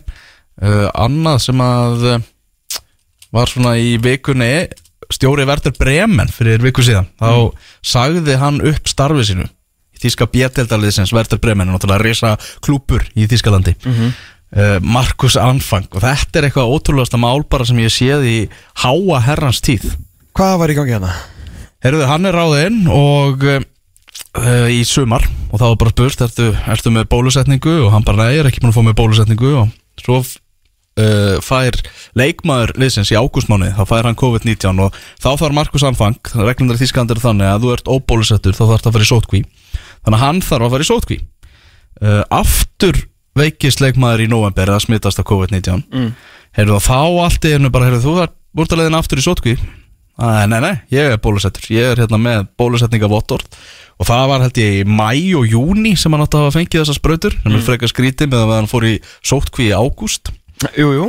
Og svo þegar þetta er skoða betur Þá á hann að verið Já, fengið bólusetninguna í Köln En þá var hann akkurat að spila uh, Með sínu fyrrum félagi uh, Allt annar staðar í landinu heldur hann í Köln. Þannig að hann var ekki í Köln Þegar að hann átti að hafa fengið þessa bólusetningu og þegar hann var eiginlega komið með baki uppi vegg þá bara sjálfur ákveðan að segja upp. Og aðstofamarinn hans líka sem er greinlega farið þessa leið líka einhver hluta vegna þá fekk þessar ekki bólusetningu en falsa þetta bólusetningavottorð. Og svo var staðan ekki betri þegar bildbyrti núna á mánudaginn myndavonum frá okkur götuháttíð sem að mátti taka þátt í að þú varst bólusettur eða búin að jafna þig á veirunni Þannig að hann notaði þetta falska bólusendingavottor til að komast í þetta partí þar sem að var búningathema og hann var hann eins og okkur kokkur eða eitthvað í að skemmta sér og, og helli sér bjór Þetta ljómar eins og einhver algjör fagmaður sko. En hvað er með þjóðverðin? Af hverju eru þeir ekki að fara í bólusetningar? Ég veit það ekki Nei, menna, þjóðverða, þetta er líka þetta er bara um allar heim sko. Já, ég veit, já, ég veit bara, það kemur mest óvart með þjóðverðina Þeir eru eitthvað svo mikið, maður myndi halda bara eitthvað, þú veist, já, Já. uh, þetta, þetta lagar sem sagt COVID-19 og það segir það í þessari bók og þá bara farið þau bólusetningu. Þú veist, ef það væri einhvað land og einhver þjóð sem myndi halda að það væri ekki þú veist, eitthvað vesen að fá fólk í bólusetningu þá væri það Þískaland Já, Þegar svo er bara, bara, hvað er ekki bara annað hver bæjari sem að neytar að fá þetta? Já, það er reyla þannig sko Að Það er bara, kemur alveg fárólega mikið óvart sko En það er verið að tala um það að refsingin sem að uh, hinn ágæti anfang geti fengið væri að, að það geti mist þjálfararéttindi sín Bara te- tekin af honum. Já, þetta var ekki En Já, gildi það bara í Þískalandi? Getur hann orðið aðstofa landslýstjálfari hjá okkur? eða? já örgulega Bara geggja að fá manni aðstofa þjálfari sem er búin að, nýbúin að þjálfa verði bremen sko. Já, það var reynda mjög skemmtilegt sko. En þetta er einhver algjör, algjör trúður þessi gæði sko. Heyrðu, það er markalaust í leik Arsenal og Newcastle Háteðisleiknum í ennska bóttan Heldur betur uh, 20 svakalit farið sem að Newcastle var hérna að fá en kemur kannski ekki óvart að Aron Ramsdale varði. Uh, ég var að fá þar frettir hér að handan að Björn Berg er dóttin í hús þannig að við gerum stuta pásu, komum svo tilbaka og þá ætlum við að tala um peninga. Þú ert að hlusta á fótbolti.net á exinu 977 Allt í auks setna áleikurinn er farin á stað í útastættunum fótbolti.net hér á X977 og hingað er komin heldur betur góðvinnur þáttarins Björnberg Gunnarsson er hérna mættur, velkomin Takk fyrir það, sælir. Heyrðu, þú ert að fetta já, nýjar slóðir. Þú ert að fara í jólabókaflóðið maður. Já, já, jólabókin í ár. Það er bara komin út. Já, peningar, Já, glæsileg bók. Já takk fyrir það. Það var eitt hérna sem að Ég rifjaði upp sko, það var eitt sem að Mætti henni svona æfingu liðið sem ég spilaði með á sín tíma Og hann sagði við mig eftir æfinguna Þú ert ekki eins þurr og leiðilegur og þú lítur út til að vera Og það er kannski svona varandi bókina sjálf og Hún er aðeins léttari en, og skemmtilegri En hún kannski svona virkar á, á kofurinu Þar sem Já. hún er í þingri kantinum En, en ónefndalega falli í stofunni sko. Já, nákvæmlega, þetta tekur sér vel út í hilluna þessi bók sko. Já, þetta er, hún er mjög, mjög fögur sko. Þetta er náttúrulega líka svona til þess að fá svona kollegaðina í svona, við kallum það svona jakkafatta svona snúðu kókumölkstrákana sko. Já, já. svona millistjótuna þínar Akkurat. til þess að kaupa þetta sko. Já, já En svo að því að síðan, þú veist, þú lítur sko, núna er ég að lesa hana, skilur Ég lít mjög vel út, af því að bókin er glæsileg, skilur En inni er ég bara að lesa um svona eitthvað bara fíblagang, skilur Með fallegu myndum og svona, skilur, eitthvað sem að skemmti mér, sko Já. Þannig að, hérna, hvenær svona fest þessa flugu í höfuðið? Eh, Þetta eiginlega var svona nánast lið sko vegna þess að ég, ég ætlaði alveg að skrifa þetta efni en ekkert endilega sem einhverja stóra og miklu og veglega bók sem ég myndi gefa út. Nei, nei, nei. heldur var hugmyndi mín alltaf svo að ég á, á stráka og svo eldri er Já, og það fer svona stýttast í það að ég þarf aðeins að fara að taka hann til hliðar og svona tala við hann um peninga. Ok. Og það er ekkert til sem að á íslensku, eng, e- engar bækur allavega svona eins og ég vildi hafa þær það sem er bara engungu verið að segja skemmtilegar sögur, fyndnar hér- og hinum að þessum áttum varðandi peninga sem að sannfæra strákið minn um það að peningar sé alveg skemmtilegir mm. af því það er alveg nóg til að þú lesi alls konar æfisögur og einhver svona vo- alls konar ægilega inspirerandi dæmi og mætti hörpun og sé einhver gæja í, í rúlukraból sko. það er alveg nóg til og það er líka alveg nóg til að kennslubókum en mér finnst peningar vera mjög skemmtilegir sko. Já, já. og mér finnst svo sérstaklega þetta varandi fótbolta það, bara kemur minn áhuga á peningum ég hef miklu meiri áhuga á um, og, það, og það svona bætir minn áhuga á peningum að vita á sínum tíma af hverju Leifupúl gæti ekki keft um einhvern leikmann. Þú veist, í staðin fyrir að vera bara væli yfir því þá fer maður bara að skoða það, af hverju ekki? Heru, það kemur einhver nýr eigandi hérna inn. Hvað hva, hva kæfta þeir í gangi hérna? Af hverju er þetta lið bara allt í einu hrunið og, og af hverju er þessum farað að ganga vel og, og þá skilur maður hlutina betur þegar maður finnur ástæðanar -hmm. en þá þarf maður alltaf aðeins að opna hútið Já. og það er þannig með allt saman. Með tónlist, með kvikmyndir, með, með íþróttir og, og allt mögulegt og mér finnst þetta rosalega skemmtilegt. Og ég hef alltaf verið þannig að að uh, hafa gaman að deila sem öðrum. Veist, þannig að, að, að og bara kona mín er alltaf bara löngu komið nóg að því. Þannig að núna þá er ég bara búin að ná þessu öllu út úr systeminu þegar ég hói hana segi hei, viss, viss, hei, hérna, hvað þú, sjáðu vissir, vissir þetta? Að þá bara í rauninni afhendi henni þessa bók. Bó, já, mitt, mitt. hér eru allar þessar upplýsingar hér er ég bara búin að skrifa um Ali Dia sko. Já, já. þannig að, að ég þarf ekki að vera að segja öllum frá Ali komið Ef að, fólk svona trúir ekki og heldur þetta að sé með svona einhver svona alvarleg fjármálabók þá vil ég bara svona rétt grípa hérna niður í tekifest íþróttamæði sögunar var að líkjendum Gais Appeleus Diolses eh, sem var ekki djúpa miðumar í Valencia heldur fremsti kappakstuskappi Rómverja sem vann yfir ykkur 1400 mót þannig að svona það má segja að þú sett að kafa mjög djúft og langt það er svona er þetta grínast með það að segja erfitt að uppreikna tekjur hans eh, í Róm til forna sko, þannig að þetta er svona á Ronaldo hérna og nærbúksunum og svona skilu þetta er já, svona já, til að selja bókina til að selja bókina Já, já. sko. og, það er einmitt farið í ímislegt svona ég, ég skoða sko, þegar Maradona var Já. Veist, uh, all, alls konar svona klúður sem hafa orðið þú veist, félagskipti og einhverjum rúmennum sem hafa borgað fyrir með, með hérna ís og pulsum og, og þú veist, inn í estall í Japan svo þú Já. fyrir að kaupa allar stokkina þessar rauðvinnum það er svona það er svo margt skemmtilegt í þessu sem að, og náttúrulega síðan eitt sem að er, er, ég leifi mér þá að fara aðeins út fyrir það að þessi engöngu einhver fíblaskapur, eins og ég segi Mhm. þar sem að svona megin inntaki í, í, í fótboltakabla bókarinnar er reyna að rökstiðja uh, Cristiano Ronaldo Já. að sé bara fullkomlega eðlilegt að borga 37 ára komin leikmanni mm -hmm. hálfa miljón punda á viku Já. og eh, ve vegna þess að, að mér finnst það oft hafa sko umræðin um hann sérstaklega núna Mhm. eh, mér finnst hún vera einhvern veginn eins og Juventus hljóta að hafa tapað á honum vegna þess að þeim síðan gengur ekkert vel í kjölfarið Nei. að þá hljótið þeir að hafa tapað á honum og núna með United þá erum við að hann bara einhvern veginn fittar ekkert inn í þetta Mhm. jújú, jú, hann er raðað inn mörkunum og í meistardildin alltaf en, en þú veist, ha- hann einhvern veginn þetta er ekki að skila sér en aftur, maður þarf aðeins að líta undir húti til þess að finna þá af hverju hann er þess virði og, og, og then some sko. Mhm. það er alveg raunverulega þannig það er, sko, þú getur ekki tapað á því að vera með Ronaldo Nei. ok. í peningum talið, Í peningutali, hann er bara er það stór hann er bara það stór já. algjörlega uník sem er svona merkilegt, ég veit ekki er það merkilegt ekki fyrir fótboltamann þegar þeir verða ekkit svona knattspyrnum en verða ekkit svona global superstars all, allt sent sko, veist, náttúrulega auðvitað náttúrulega skiptir þetta mála hann og Messi náttúrulega hafa verið svo ógeðslega lengi á toppnum og það bara, maður sér stundur um að horfa á Talking Heads í bandaríkjunum bara eitthvað, Lionel Messi is going to Paris Saint-Germain. Fattur veist, eitthvað, bara segja, þú veist, myndi aldrei tala um það ef að veist, Marcus Rashford færi til Liverpool sko. Nei, nei. þú veist, þið myndi ekki minnast á það sko Akkúrat. eða þú skilur Bobby Firmino til Manchester United en þeir tveir náttúrulega er kannski svona að skera sig aðeins úr, úr fjöldan og kannski sérstaklega Ronaldo en þú veist, er það eitthvað rámt að mér að fótboltamenn verði ekkit svona einhvern veginn, ekkit, þú veist, þeir verði ekkit Jordan, Lebron, Brady eitthvað þannig, þú veist, kanin einhvern veginn finnst mér allan, eða kannski er það bara eitthvað sem byrtist mér þannig, Nei, ég held sjálfur rétt hjá þér, ég held að, að hérna, kanin er náttúrulega bara alltaf, hefur alltaf verið langbestur í markasetning alltaf.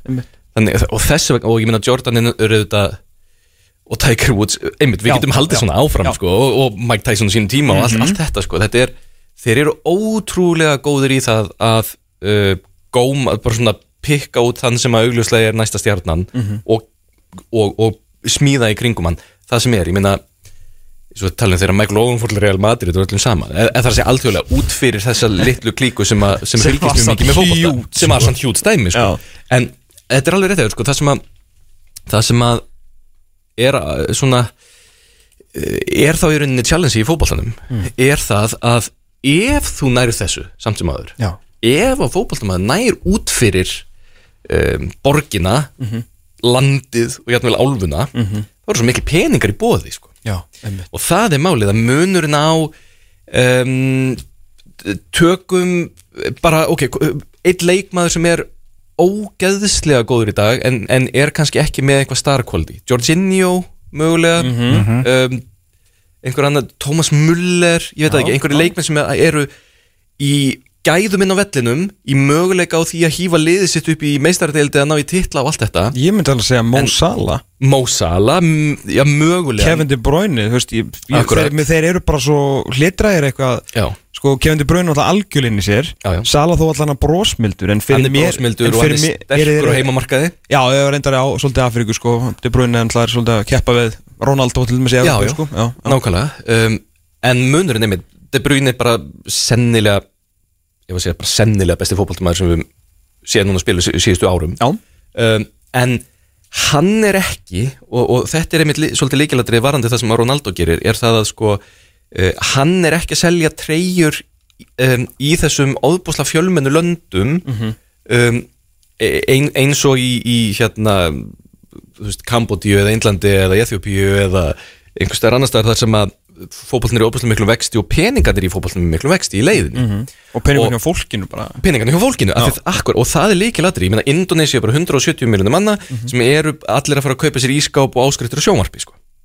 og þeir hafa þá uh, eitthvað svirum til þess að eyða peningum í eitthvað annað en bara mat og mentum fyrir börnin sín. Og það er þá fótbolti.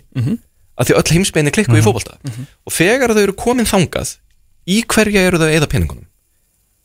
Bara stjörnunar bara, það er enginn að fara það, það, það er þú veist, Peppi Signori er ekkert komin á, á, á, á bakið á einhverjum, þú veist, einhver retrotreyjur eða það er ekki, það er bara núl, það er engöngu einhverjir, hvað ég var að segja margir. 5-6 leikmenn. Já, mögulega, Þegar ég gerna hjá PSG já, Ronaldo, De Bruyne, Salah. Já. Eitthvað svona. Og svo ertu með einhverjir sem Ekki er á eins og Pogba eða einhverju svona, ein- einhvers staðar þannig á grensunni en, en þetta er ekki margir sem þú myndir veljúr og þetta er heldur ekki mörg félög. En það er enginn að fara að kaupa sér hérna Parma-treyju eða Nürnberg-treyju eða Everton-treyju Nei. eða Benfica-treyju, það er allir að fara að kaupa sömu einmitt, 5-6 treyjunar og það er svona að ég er alltaf að tönlast á þessu með sko hvar peningana er að finna í fótboltanum að þá er þetta svolítið interesting með það að, að sko fótboltin blæs út sem markasvara en þeim fjölgar ekkert sem að ná til fjöldans og hvernig ætla þetta hefði verið fyrir sko 30 árum þegar að ungi krakkin í, í hérna bandarökinn með Nóri eða Rúslandi eða einhvers staðar byrjaði að fylgjast með Európa-boltanum Þú veist, það var þetta alveg sama, það voru þetta bara þú veist, það var bara með Maradona og Gullit og þetta voru einhverju bara örfáir. Já. það er alltaf sömu 5-6, það er alltaf sami fjöldi. Og Ronaldo er lang bestur af þessu. Og ég rek svolítið af hverju ég held svona hvað, hvaða mótel hann hefur byggt á. Og það sem ég finnst svolítið magnað og svona æbandi sem ég hef kannski ekki almennilega tengt saman er að þegar hann fer frá þegar hann kemur til Manchester United og tekur hann sjönans Beckham og hann er bara kópur af Beckham. Beckham var fyrstur í því að fatta og, og, og gamli samherrin eins og United hafa verið að tala um þetta. Hvað hann var ungur þegar hann fatta þetta? Og ég rauninni bara, mm, Victoria Beckham er bara mastermindið á baku það. Mm heyrðu, við höfum hérna bara tækifæri til að gera Beckham að frægasta manni fótboltans saman hvað hann er góður í fótbolta bara gerum hann aðal gæðinum og bara hliðar við það allt var hann bara fyrirlega Englands og spilaði með Real Madrid og allt þetta og bara og, og, Meistar í fimm löndum Já, ég minna og gerði bara bandaríska fótballna því sem er í dag. Þetta er ótrúlegur árangur. En, en bara í markasetningu Bara búa til sjálfan sig Og markasetja vörur í tengslum við sjálfan sig og allt það Ég minna, tekjunar hans hafa bara aukist ef eitthvað er þegar hann hætti að spila fótbolta. Já. Og Ronaldo er á sama stað. Og hann er bara að fara að vera einn af einhverjum Einmitt, tveimur, þreimur Sem að er að eiga möguleika á því að verða bara ríkur eftir fótboltan sko. Að bara að því að meiri peninga. Að því hann er búin að stilla þessu þannig upp. Hann er með líkansrættastöður og hótel og Já, ok, ég ætlaði að mynda að spyrja þig hvað hann var að fara hann er bara með þetta allt saman. En Hann er hann, en er hann sem sagt uh, það sem alltaf David Beckham hafði síðan ofan á sem sagt, eftir fyrirlin, alltaf vera ennskur já, skilur, veist, og, og tala, ég veit, ég veit að hann tala góða ennsku, hérna, sérst, Ronaldo eins langt og hann er með, með að vera Portugali, sko, og bara ljómandi góður, en þú veist, hvað heldur hann sé að fara að gera svona þú veist, sem hann sjálfur veist, að koma fram og svona þarf hann sig, er, er þetta verður þetta bara businessina sem hann er búin að byggja upp? Já, ég held að þetta verður bara businessin. Ég held að hann sé ekkert að vera að koma fram að því hann er ekkert sérstaklega góður í að koma fram. Nei, einmitt, En ég held að hann þurfi þess ekkert. Nei, hann er bara, Bara komin. Fullt af módelum, þú veist ekkert hvernig rattina þeirra eru. Já, nei, nei. Eh, og, og hérna og tennisetjum sem er að selja hérna Rolex-úr og bíla og, og eitthvað slíkt í öllisingum og þú veist ekkert.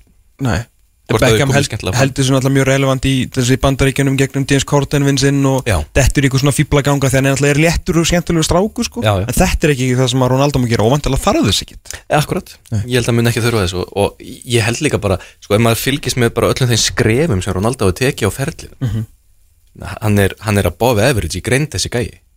Í alvörinu, um það hvernig hann er búin að púsla saman þessum ferli sínum Já, já. alveg, alveg sama þá hvernig við myndum mæla það er að hann er að gera hlutina hann er, hann er algjörlega besta fyrirlinn sin sko. fyrir utan einhvern stórkostlurinn á vellinum allt utanvallar fyrir utan ein, einstaka skandala eða eitthvað slíkt bara svona um að, hvernig hann er búin að hlaða þessu veldi sínu upp og hann er ennþá bara 37 ára gaman það er alveg ótrúlegt. Og við höfum aldrei séð svona. Sko Beck, uh, ég, ég held að ég held að við, við séum að sjá eitthvað talsveit stærra heldur en Beckham í og Ronaldo, hvernig hann er að fara að verða í framtíðin sko, uh, samningurinn sem að hann gerði við, við hérna uh, hann er með samning við Nike eða ekki fyrir að gera Adidas? Jú, hann er með samning við Nike já. hann gera ævilanga samning við Nike hann Cristiano Ronaldo. Og hann er að fara að fá fyrir þann samning tekjur sem eru pari við tveggja ára tekjur Juventus. Þú veist, hann er það stór og það er eitt samningur. Mhm.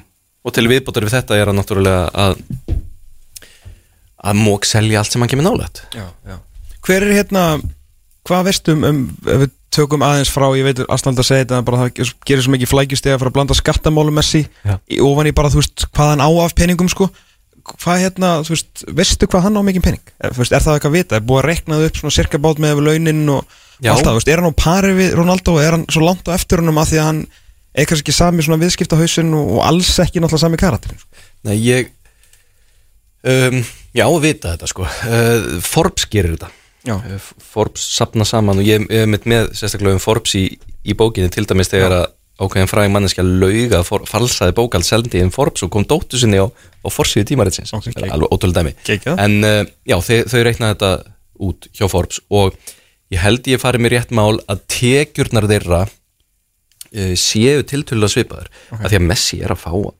þessir auðlýsingarsamningar sem hann er að gera eru ótrúlegir miða við hvað hann hefur raunin ekki mikið einhvern veginn skínandi karakter mm -hmm. verður ekki sama brandið einhvern veginn Einmitt. með sama hætti og Ronaldo þá var hann samt einhvern veginn að ná í mjög stóra samninga mjög dýra eins og Pepsi samningurinn þess að eru ótrúlegur sko. Ok, uh, þannig að tekjunar hafa verið eru svipuð um aldrei, eru búin að vera með svipuð laun á ferlinum þannig að ég myndi halda að, að eignið þeirra sé ekkert ósvipaðar Ok.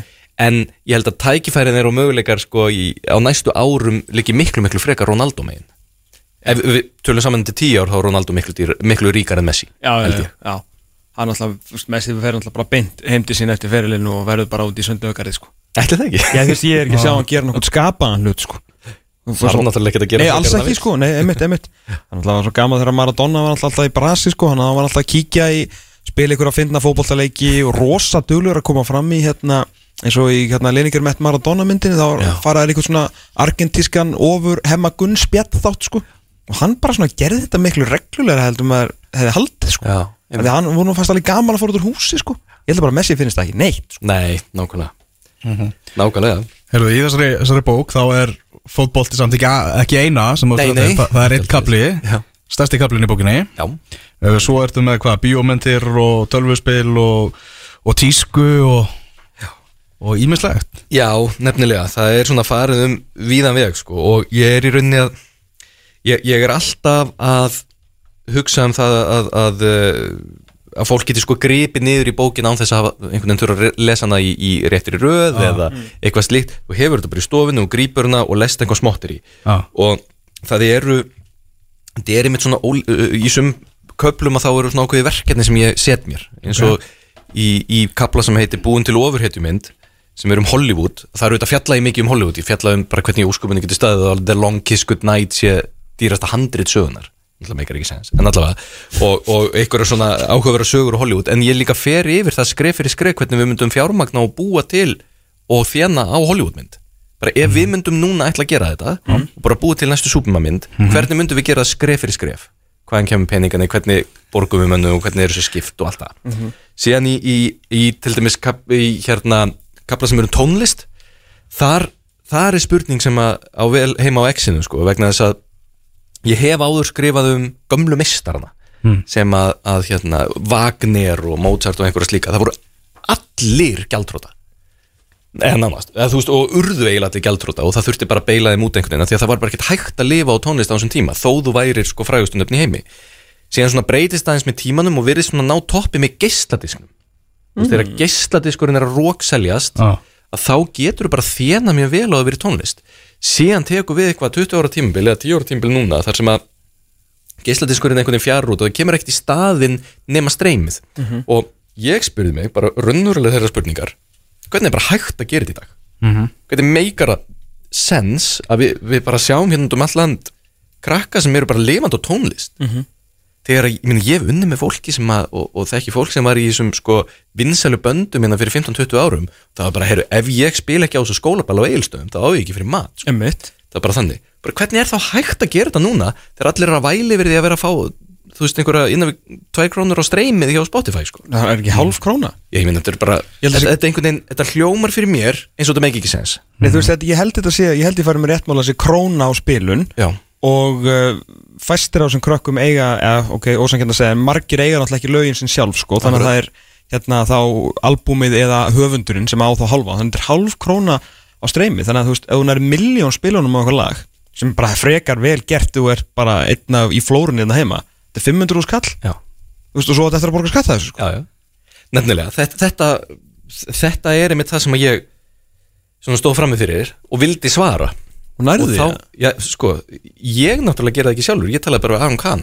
Já, ok, þannig að, að, að sá mikli mistari hann bara hjálpaði mér með þetta. Ok. Og, Geggjað. og hann er þarna í í hérna aðalhlutverki í, í, í þessum kabla, í nýjönda kablanum um, um, um tónlistunar, þar sem að hann leiði mig svolítið í sannleikandi mitt um þetta. Og þá er þetta á báðum hliðum.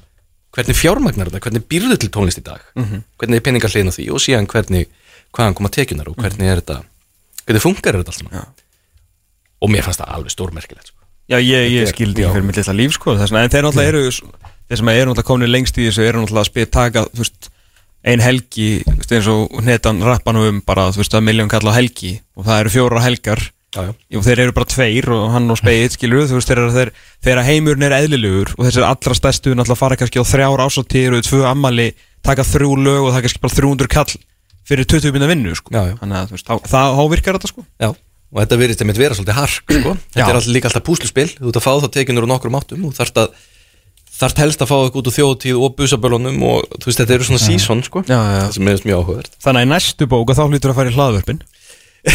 Hlóðvörpum frá hvernig er þetta að lifa þeim?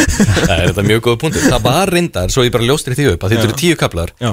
11 kapli, hann átti að vera um glæpi. Ok, en, en uh, það verður bara næst. Það verður bara næst það verður svona peningar eftir dark um Eitt, sko, eitt svona barnalegasta sem ég hef alltaf spurt með að varandi, ef við förum aftur í fótboltan uh, Sko, ég man, manstu eftir því þegar launaseðlina sem Jón Arne Ríse fannst út á götu? Hyrðu, já, en ég man ekkert hvað var í honum. 80.000 pundi eða eitthvað?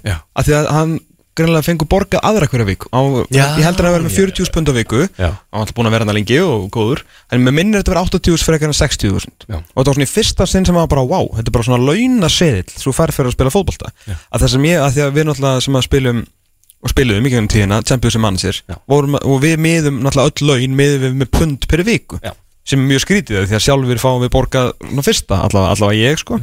Og hérna, það sem mér langar svo að vita að þú ert vantilega, þú veist, er þetta ekkit flokknara en bara þú veist, þegar að Síminn borgar mér eða Íslandsbanki borgar þér eða Hafliði borgar elværi skilur fyrst okkar smánar, er bara einhver pulja af einhverjum ógeðslega miklum peningum þú veist, það er bara einhver bankareikningur þú veist, bara 0, 3, 15, 26 eitthvað og það er einnig kannski bara miljardur punta eða eitthvað og svo er bara einhver kallega kona og skrifstofu tökum bara Manchester United sem að bara setur í launaferli, hvað heitir þetta, keir út launin Já, já og svo fer þetta bara inn á debukortareikningin hjá mönnunum eða? Það er bókstalað þannig, sko en Og- hvað er þá mikið inn á þessum reikningi Já, það sem það, er, það sem að er hjá flestum félögum Já. er það að sko tekjunar fari í þetta þannig að miðasölu tekinar bara helgin á undan farið þetta Aha. það er bara mjög miklu leiti þannig verið að rúlla þessu áfram sko. að því þetta er svo háa fjárhæðir Já.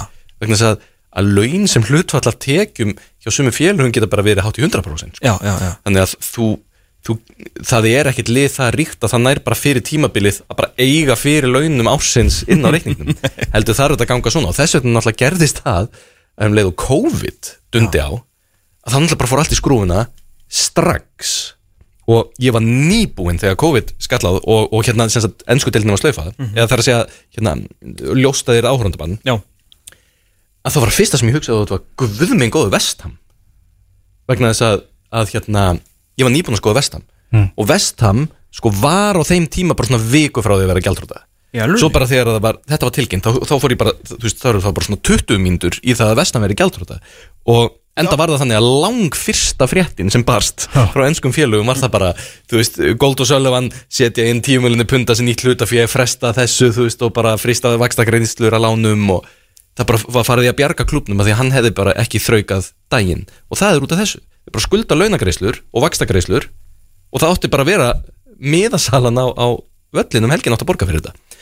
Og Barcelona na, þeir fóru þá þá leið að semja við leikmennina. Heyrðu við hérna við borgum ykkur setna þeir bara ok.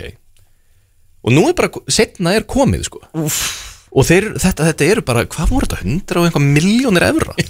Sem eru sem sagt munið þið samt eftir umræðinu þessum tíma? Þá var búið að segja leikmenn Barcelona samþykja að taka á sig launalækkun. Það var ekkert launalækkun, það var frestun á launum og núna ef þeir eru ekki að fara að borga þetta að þá náttúrulega bara fyrir þetta allt fyrir dóm. Og þá er bara Ívan Rakitic mættu til Sevilla bara, bara að rukka sínar miljónir og bara all, allt þetta dæmi sko, þetta er alltaf komið baki á þeim. Þannig að, að þannig í rauninni eru þessir klubbar bara, bara reknir. En, en svo náttúrulega bara færðu launaseðil og, og svo er misjant hvernig hann er uppbyggður sko. Það er náttúrulega mjög algengt að þetta sé þetta sé svona svolítið flókin uppbygging að þú sért að fá sko föst laun pluss uh, hérna greiðslu fyrir leik sem þú spilar. Og svo stundum árangur tengdar. Það er að segja, þú veist, ef þú skoraðir eða, eða liði vann eða einhverjum svona spilað 30 leiki eða eitthvað slíkt. Já, já, já. en þetta er bara sett upp í hefðbundum samningi, ráningasamningi svo bara millifært, samkvæmt þessu. Bara pingar síminn hjá þeim og það er bara búið að leggja inn. Það er bara ekki að frá bara Swiss Credit bara er, já ok, nú eru nýjir hérna 470.000 pund á dettin eins og í síðustu viku. Svona fyrir kannski Ronaldo en aðeins, þú veist, pælið sem hvað þetta er rugg Þetta er bara, bara eins og hérna, bara eins og Gilvi þú veist að hann alltaf kannski náði lengst í, í launum myndi ég nú, myndi ég halda. Ég veit kannski hvernig við uppreiknum með Eðsmára og hérna Toyota Yaris samningin hans. Það var alltaf einn skemmtilegsta frétt sem að lasa á þeim tíma að Eður hefði getað kæfti Toyota Yaris per dag sko. Það var svona súrulist að hugsaði með Íslending sko sérstaklega á þeim tíma. Það hugsaði bara hverju fyrstu því 100.000 pund. Og skiptir engum máli, þú veist, ég var í brasi með ég var ekki í brasi með vísarreikingi um daginn en svona, þú veist, ég fór aðeins yfir á heimildinni og, og eitthvað fastur í ríkinu veist að leggja inn á kortið og eitthvað svona þú veist, það var ekkert eitthvað þægilegt, en þú veist, ég átti alveg fyrir þessu þetta er bara aðeins að Smá vandræðilegt Já, þetta var óþægilegt sko en, hérna, en þú veist, ég bara milli fæða þarna kortið, fattur við og svo bara, uff, hvað er langt í næstu útbúr ah, ok, það er tíu dagar, þetta er allt, allt í góð sko. en svo, En hugsaður að segja síðan bara Nei, herri, já, það eru fimm dagar í næstu 100.000 pund. En svo ef við, ef við hérna, þá bara, ef, ef við sko gríp niður hérna í fótballakaflan mm. þá segi ég áhugaverðir í samantætt árið 2009 sagði Pablo Torre, blaðum að Sports Illustrated að það leti út fyrir að fjórir af hverjum fimm leikmennum NFL-deildarinnar í ruðningi eru þau gjaldþróta eða lendu í alvarlegum fjárhagskrökkum innan tveggja ára eftir að ferlinu leiki. NBA körknall, í NBA körknallistildinni það sem eru hæstu meðalun í heimi var hlutalli 60% eftir 5 ár og það er vist um 40% í ennskum fótbolta 40% uh, atvinnumanna í fótbolta í ennsku tiltakefni er þó orðin gjaldróta uh, eftir einhver tiltekin tíma að uh, ferlinn líkur og það er náttúrulega því að menn er ekki að leggja fyrir sko. Nei, nei. og vegna þess að, að á meðan þið eru að fara að vera hérna inn í þessu herbyggi þá getur þið verið eigi 67 ára ammali og fara á eftirlaun sko, að þá eru þeir náttúrulega bara búnir þeir eru 34-5 ára flestir. Og hvað ætla þeir þá að fara að gera? Þeir hafa ekkert aðgengi nema einhver nema einhver karrik og einhver nokkrir að svona tekjum áfram. Nei. þannig að þeir fara bara allir í gamla heimabæin og byrja að reyna að harka við að selja bíla eða eitthvað og bara detta niður í 95% í tekjum en þeir búa ennþá í sama húsinu og eiga sömu vinna og fara út að borða sömu staðina. Og þannig bara klárast peningurinn á, á einhverjum mánuðum þó þú hafi verið að fá 20-30 úrspind á viku. Já, sko, NFL-hildin er lang erfuðust með þetta því að þú fær bara alltaf bara borgað í 6 eða 7 mánu ári. Já. Þú fann alltaf um leið og tímabilin er búið þá færð þú ekki meira borgað. Þú fær bara borgað á meðan þú ert í vinnunni. Þannig ef að þú ert svona sérstaklega þú veist, eh, bara einhver strákur sem er svona jáður þess að komast í lið eða bara nýlið eða whatever skilur sem er kannski með ég veit ekki, miljón dollara á, á tímbil sem er miljón dollara er alveg fýtt peningur sko. Já, já. og hérna en þá færðu þess að miljón dollara borgaða þú veist, að ég mann frá ágúst og, og inn í desember en hvort þú fái í janúar þarna með en það eru bara einhverju fjórir, fimm mánuður þar sem þú færðu ekki greitt. Um, en þessi strákar, svona má ekki glema að það er náttúrulega rosalega margir að þeim eru að koma bara úr, þú veist, bara fátækt og fá fræði Já. uh, og það er náttúrulega það sem að var náttúrulega 30 for 30 myndin á sín tíma um hann sem heitir, held ég heiti bara brók sko. Að þá erum við mikið svona bara svona sálfræðingar og félagsfræðingar og, og viðskiptafræðingar að segja bara, þú veist, þessi menn fá enga fræðslu Já. þeir fá bara hérna miljón dollara halda það sé 100 miljón dollarar allir vinirnir koma, þú veist sem að hefur ekki hist bara síðan að hann hérna slapp áraðu höfð og það eru bara gullkeður og Lamborghinis og hérna flöskuborða Moet, þú veist gullflöskunni og okkar og þetta er bara búið áður en að tímabilið er búið og svo fær ekki borgað aftur fyrir í ágúst sko. þannig þeir eru faktiskt sko margir hverjir svona ekki kannski, þeir eru ekki orðnir gjaldþrótta en þeir eru samt de facto gjaldþrótta þú veist að þeir bara, þeir eru eiga góða fimm mánu, svo næstu sjö mánu er bara röglinu sko. og svo er alltaf margir að hann líki dópi sko. Já. veist og af- borga meðlag og, já, og já, að greiða af þetta er bara eins og um, að því að það er svo erfitt að skilja sko, hvernig getur allt þetta fólk sem að vinnur í lott og orðið gjaldróta, það er svo algengt. Það er náttúrulega bara því að það, hérna, þær tekjur komu einu sinni inn en svo ert að borga í hverju mánuði af þessu risa húsi sem hún kefti þér. Og hérna reksturna þessu öllu. Bara, þetta, þetta er svo mikill peningur. Og það, það er einmitt sko eh, það sem ég fannst svolítið áhugavert sem var tekið á þessu ég, ég man ekki hvort það hefur verið gert í kjölfarað á þessari 30 for 30 mynd það sem að Antoine Davis, þetta er það ekki sem var alltaf í Boston Celtics. Jú. Antoine Walker segi ég. Walker, Walker, já, já. um, og var alltaf að reyna að ströggla að komast aftur í deildinu og allt þetta því að hann var á kvíndi kúpunni, hann hefur verið að segja sína sögum mjög mikið. Og í NBA þá settur leikmannasamtökin upp séregnarspartnaðarkerfi viðbúta lífyrirspartnaðarkerfi sem minnst algjörlega brilljant mm og í Íslandi er það þannig að það er verið að hvetja fólk þú veist, greittu 2% og fáðu mótframlega og svo máttu taka þetta út þér út 60 eða kaupa þér íbúð eitthvað. og þetta var bara gert í NBA og, og, og hérna til þess að menn fengju þú til þess að, til þess að myndi ekki bara allir lendi í þessu því að það hafði bara verið þannig fram að þessu. Og hann, hann hérna Alan Iverson er svona gott dæmi um, um leikmann sem að var mjög heppin með ákveðin díl sem hafði verið gerður því að hann hafði gert díl við hvort það var Reebok eða eitthvað, eitthvað íþróttaveru fyrirtæki þar sem hann var samið þannig að, að hluti að samningnum er greittur út sko þegar hann var hann færtur eða eitthvað slíkt já, já. og þetta hlýtur bara einhver umbósmaður eða, eða mm. fjárhagsmaður hans bara sko sett inn horfandi á hann sko. já, ég veit að Já, þetta verður bara sko Já. gott að fá þarna second win þarna aðeins aðeins setna sko já, þetta er náttúrulega alveg stórmagna hvað er geta veist, náttúrulega mátti ekki gleyma eins og Janni Fettildur náttúrulega er meðal hérna starfsaldurinn sko 2,5 ár. Já, Veistu, maður náttúrulega vita allir hver Tom Brady er og veist það, hann er náttúrulega algjörlega uník og svo eru menn sem að ná 10 ára ferli þú veist, þeir eru nánast líka einhyrningar sko, Já, veist, svona, svona verður ekki til. Nei, en hérna eitt sem að e, hjó eftir hérna hefur að e, í hæstu löginu meðamáli það sem að segja NBA-dildin með semst, 89 miljónum króna. Náttúrulega hjálpar til að það eru náttúrulega bara 5 inn á. Já, það hlýtur að hluti af þessu. Já. náttúrulega þetta borga veist fleirum og bara veist 14 í liðinu eða eitthvað. En í öðru sæti er uh, The Indian Premier League í cricket þar sem að meðalönur 57 miljónir króna sem er yfir sko hafnaboltanum Premier League og bara öllum auðljóslega sem þetta er í, er í öðru sætinu. Þetta er náttúrulega eitt merkilegasta fyrirbæri sem að til er, ég veit við erum í fótboltætti en veist, þetta er bara þú veist, ef þið eru ekki búin að horfa á Cricket Fever Mumbai Indians á Netflix uh, þá myndi ég bara frá að drífa mig í því. Og ég er eiginlega brjálar að þeir hafa ekki gert fleiri serjur þetta er algjörlega geggjað. Sko, Cricket er náttúrulega rosalega mikið harksport. Já. að þú spilir náttúrulega rosalega marga landsliki þú ert alltaf á landslistúrinu sérstaklega þú bretið Ástralið, þá er því Assis og svo er HM skilur venjulega þú veist þannig að leikinn taka fimm daga sko, svo er 2020 og 2020 er svona þryggja tímasportið það er svona þeirra version of knattspinnuleik sko. Og það er IPL er 2020 cricket sko. Og svo spilar eins og tjallarnir spila heima á sér í, yfir sumarið og svo taka þér sex vikurnar þarna til þess að ná í eitthvað gutt sitt pening sko. Og þetta er alveg, þetta hefur bara svona í þessu sex eða átta vikur sem að hérna Indian Premier League er spilað. Og það er bara þjóðin er á hliðinni bara milljarður er á hliðinni. Stappfullt á öllum völlum bara þú veist eldur og fánar og fyndnir hattar og reiksprengjur og eldvörpur og okkar allir bestu mæta. Og það er sko og besta við þetta að besta við þetta að fyrir hvert tímbil er uppbóð á leikmannum þeir eru Já. keftir eins og kjötstykki. Það er svolítið að þú ert með svona grunn af leikmönnum sem heldur svona í og svo er bara hérna, hérna bara Freddy Flintoff bara mættur, hann er bara allar að spila í ár. Og hann bara, það er uppáð og svo er þið bara eigundnir út í sal. Að miljonir, fjóra miljonir svo bara hérna kannski indverski fyrirliðin sem er náttúrulega bara guð í heimalandinu.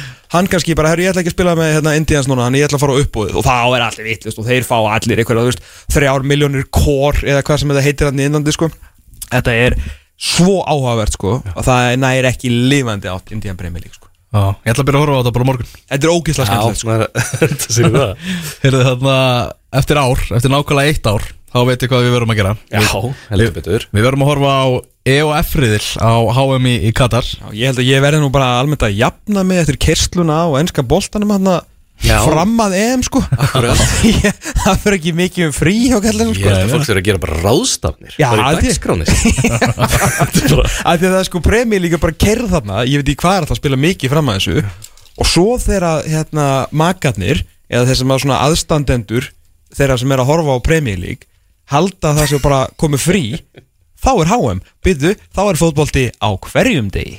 Nákvæmlega. það, Þetta móti bara loksins, handa við hotnið Þetta móti er bara langur aðdraðanda þessu móti Og náttúrulega peningar. Er svolítið eitthvað sem að tengist þessu móti rosalega mikið og, og mest allt ólöflegir peningar.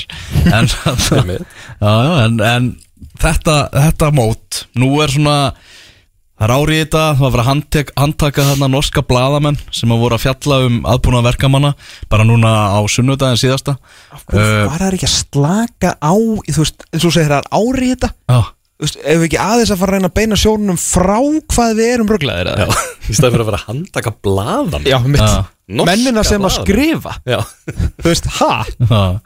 Stuðnins með bæja munn hérna að bara krefjast þess að öllu sambandi við Katar sé slitið á félaginu og allt hannig ég meina öll þessu umræða og var ekki KSI og samt einhver norðunöndu samböndu bara núna í vikunni að, jú, jú. að senda bref þarna til FIFA út af, út, út af kö- köturum. Þetta, þetta mun ekki minga í aðranda mótsins. Þetta komandi ár 2022 þá verður bara Katar í sviðsljósinu. Já, nefnilega Þú veist, það sem að, að ég hef heyrt málflutningin þeirra. Ég, ég hitti mannin sem að var svona stóra glans hérna íþróttadæmi þeirra er, er Aspire Academy. Það er þessi gríð, spítalinn og allt þetta og, og þetta er náttúrulega bara algjörlega fáránlegt. Þetta er eins og eitthvað sem þú myndir sko vilja geta búið til í Champions League Það er bara ekki hægt? Já, ég hef Þetta heimsótt þetta, þetta, Er þetta, þetta, þetta er rugg fullkomlega galið Já, dæmi. já, algjörlega og galið. ég heit hann Ívan Bravo sem að, sem að var sem stýrði þessu á hætt núna. Og hann, Það er ekki gæðin sem að komið fyrirlesturinn hingað? Jú, Já, hann já. hafði verið frangatastjóri í Real Madrid. Já. Svo bara kiftu til Katar, eitthvað það kostar Einmitt. og svo náttúrulega bara segir hann, heyrðu, ég þarf bara 50 þíska lækna til þess að flytja til Katar og, við, og svo er hann náttúrulega bara, þú veist, ef einhver meiðist í ennsku úrstildinni, þá er hann alltaf bara komið til Katar á spítala. Já, sáum bara Aron Einar og en hann fór að spila þarna og Alfred eins og fyrir háum og þetta það bara, þeir fóru beint í að spæðir bara til Já. að koma eins og lappir. Já. En hann fór, fór einhvern veginn yfir þetta ekki á þessari tiltekna ráðstundu en, en svona y- yfir bjór yfir, hérna svona hvernig hvernig Katarar væri að líta á þetta og svona þetta Devil's Advocate hérna súnálgun á þetta alls saman. Og, uh, og þá sagði hann, heyrðu um, þið verða átt ykkur á stöðinni sem er á þessu svæði fyrir. Þar sem að bara ákveðin partur af mannslífum er eiginlega bara mjög léttægur og þ- þú veist, erlendu verkaminnir og allt þetta þeir eru bara búin að vera að koma enga síðustu 40 árin og vinna og til allra þessara landa á svæðinu. Og, og þeir bara eru að fuðrandi upp og það er bara verið að kremja eins og flugur út um allt, bókstaflega.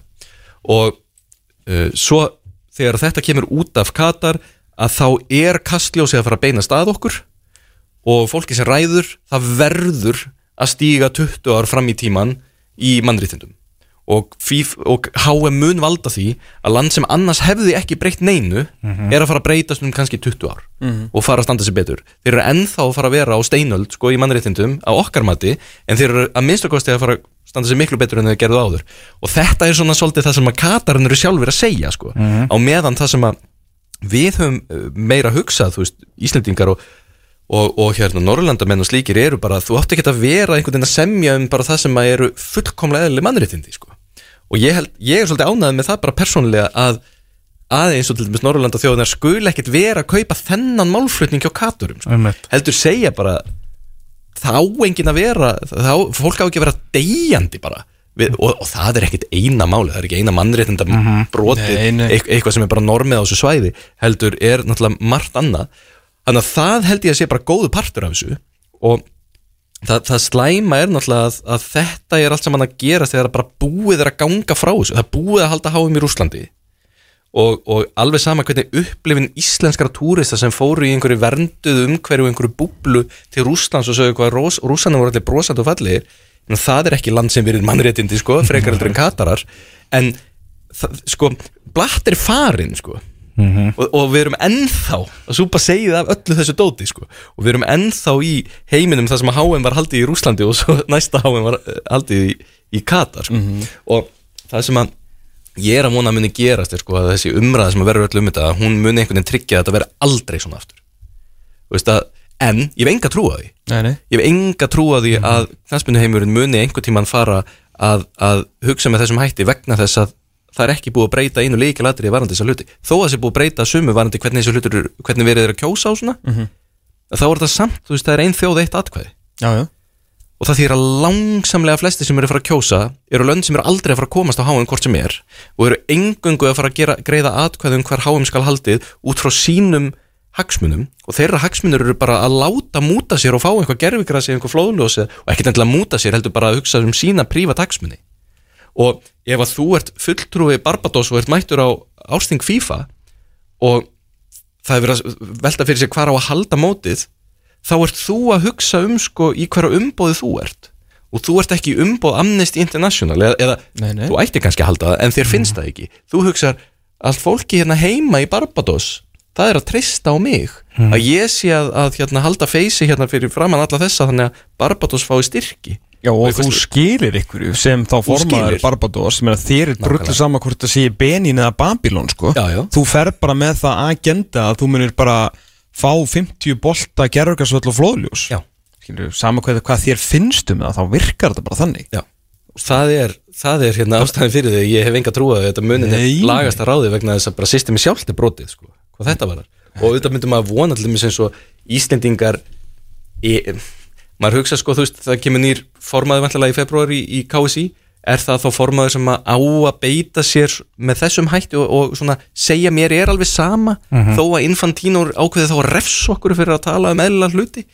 En en sko myndi knæspindu fórustan á Íslandi styðja þannig formann, ég veit það ekki.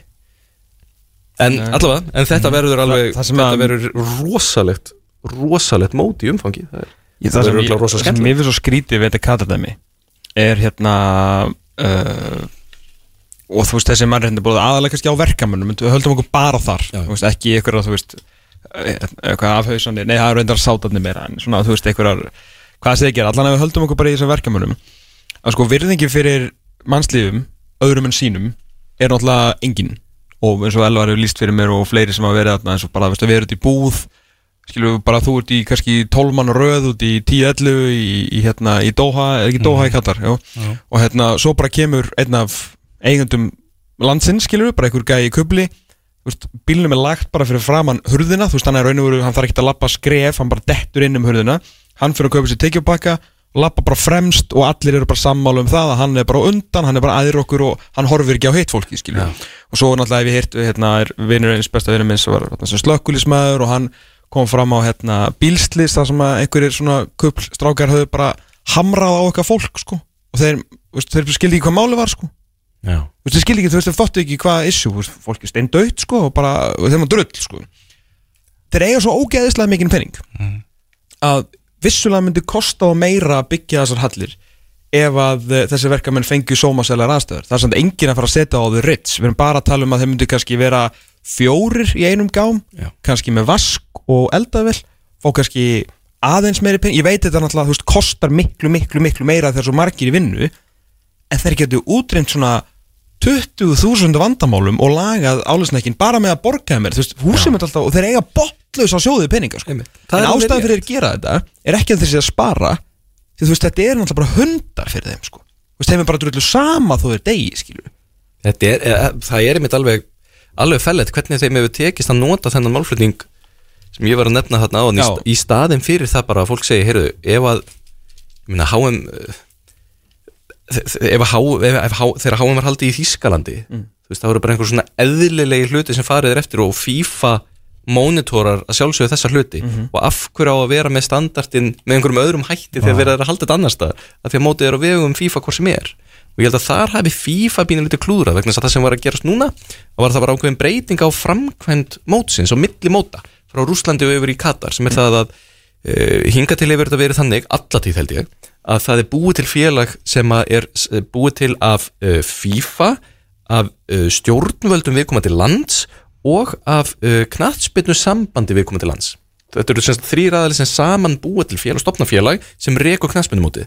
Nú er það þannig, FIFA bara gerir þetta. Þannig að FIFA kemur til Katar og heldur mótið. Mm. Þannig að það er ekki gert í sameilu félagi með Katurum. þetta, er, þetta er breyting sem var gerð á milli Rúslands og Katar. Og þess, þess vegna skil ég ekki að FIFA sem er að hefur all, allan powerinn varandi samninga og eitthvað slíkt, get ekki bara sagt Katurum þetta og ef að þeir hefðu sagt nei, þá er fullt á öðrum sem vilja halda já og þá hefði bara mist mótið.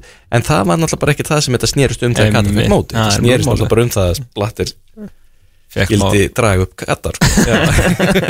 En það er alveg ljóst að það verður eins og segir. Það verður gaman, þetta verður, þetta verður partí. Það eru 30 gráður í dag. Ég var að, var að kíkja á þetta. Akkurat núna, í Doha.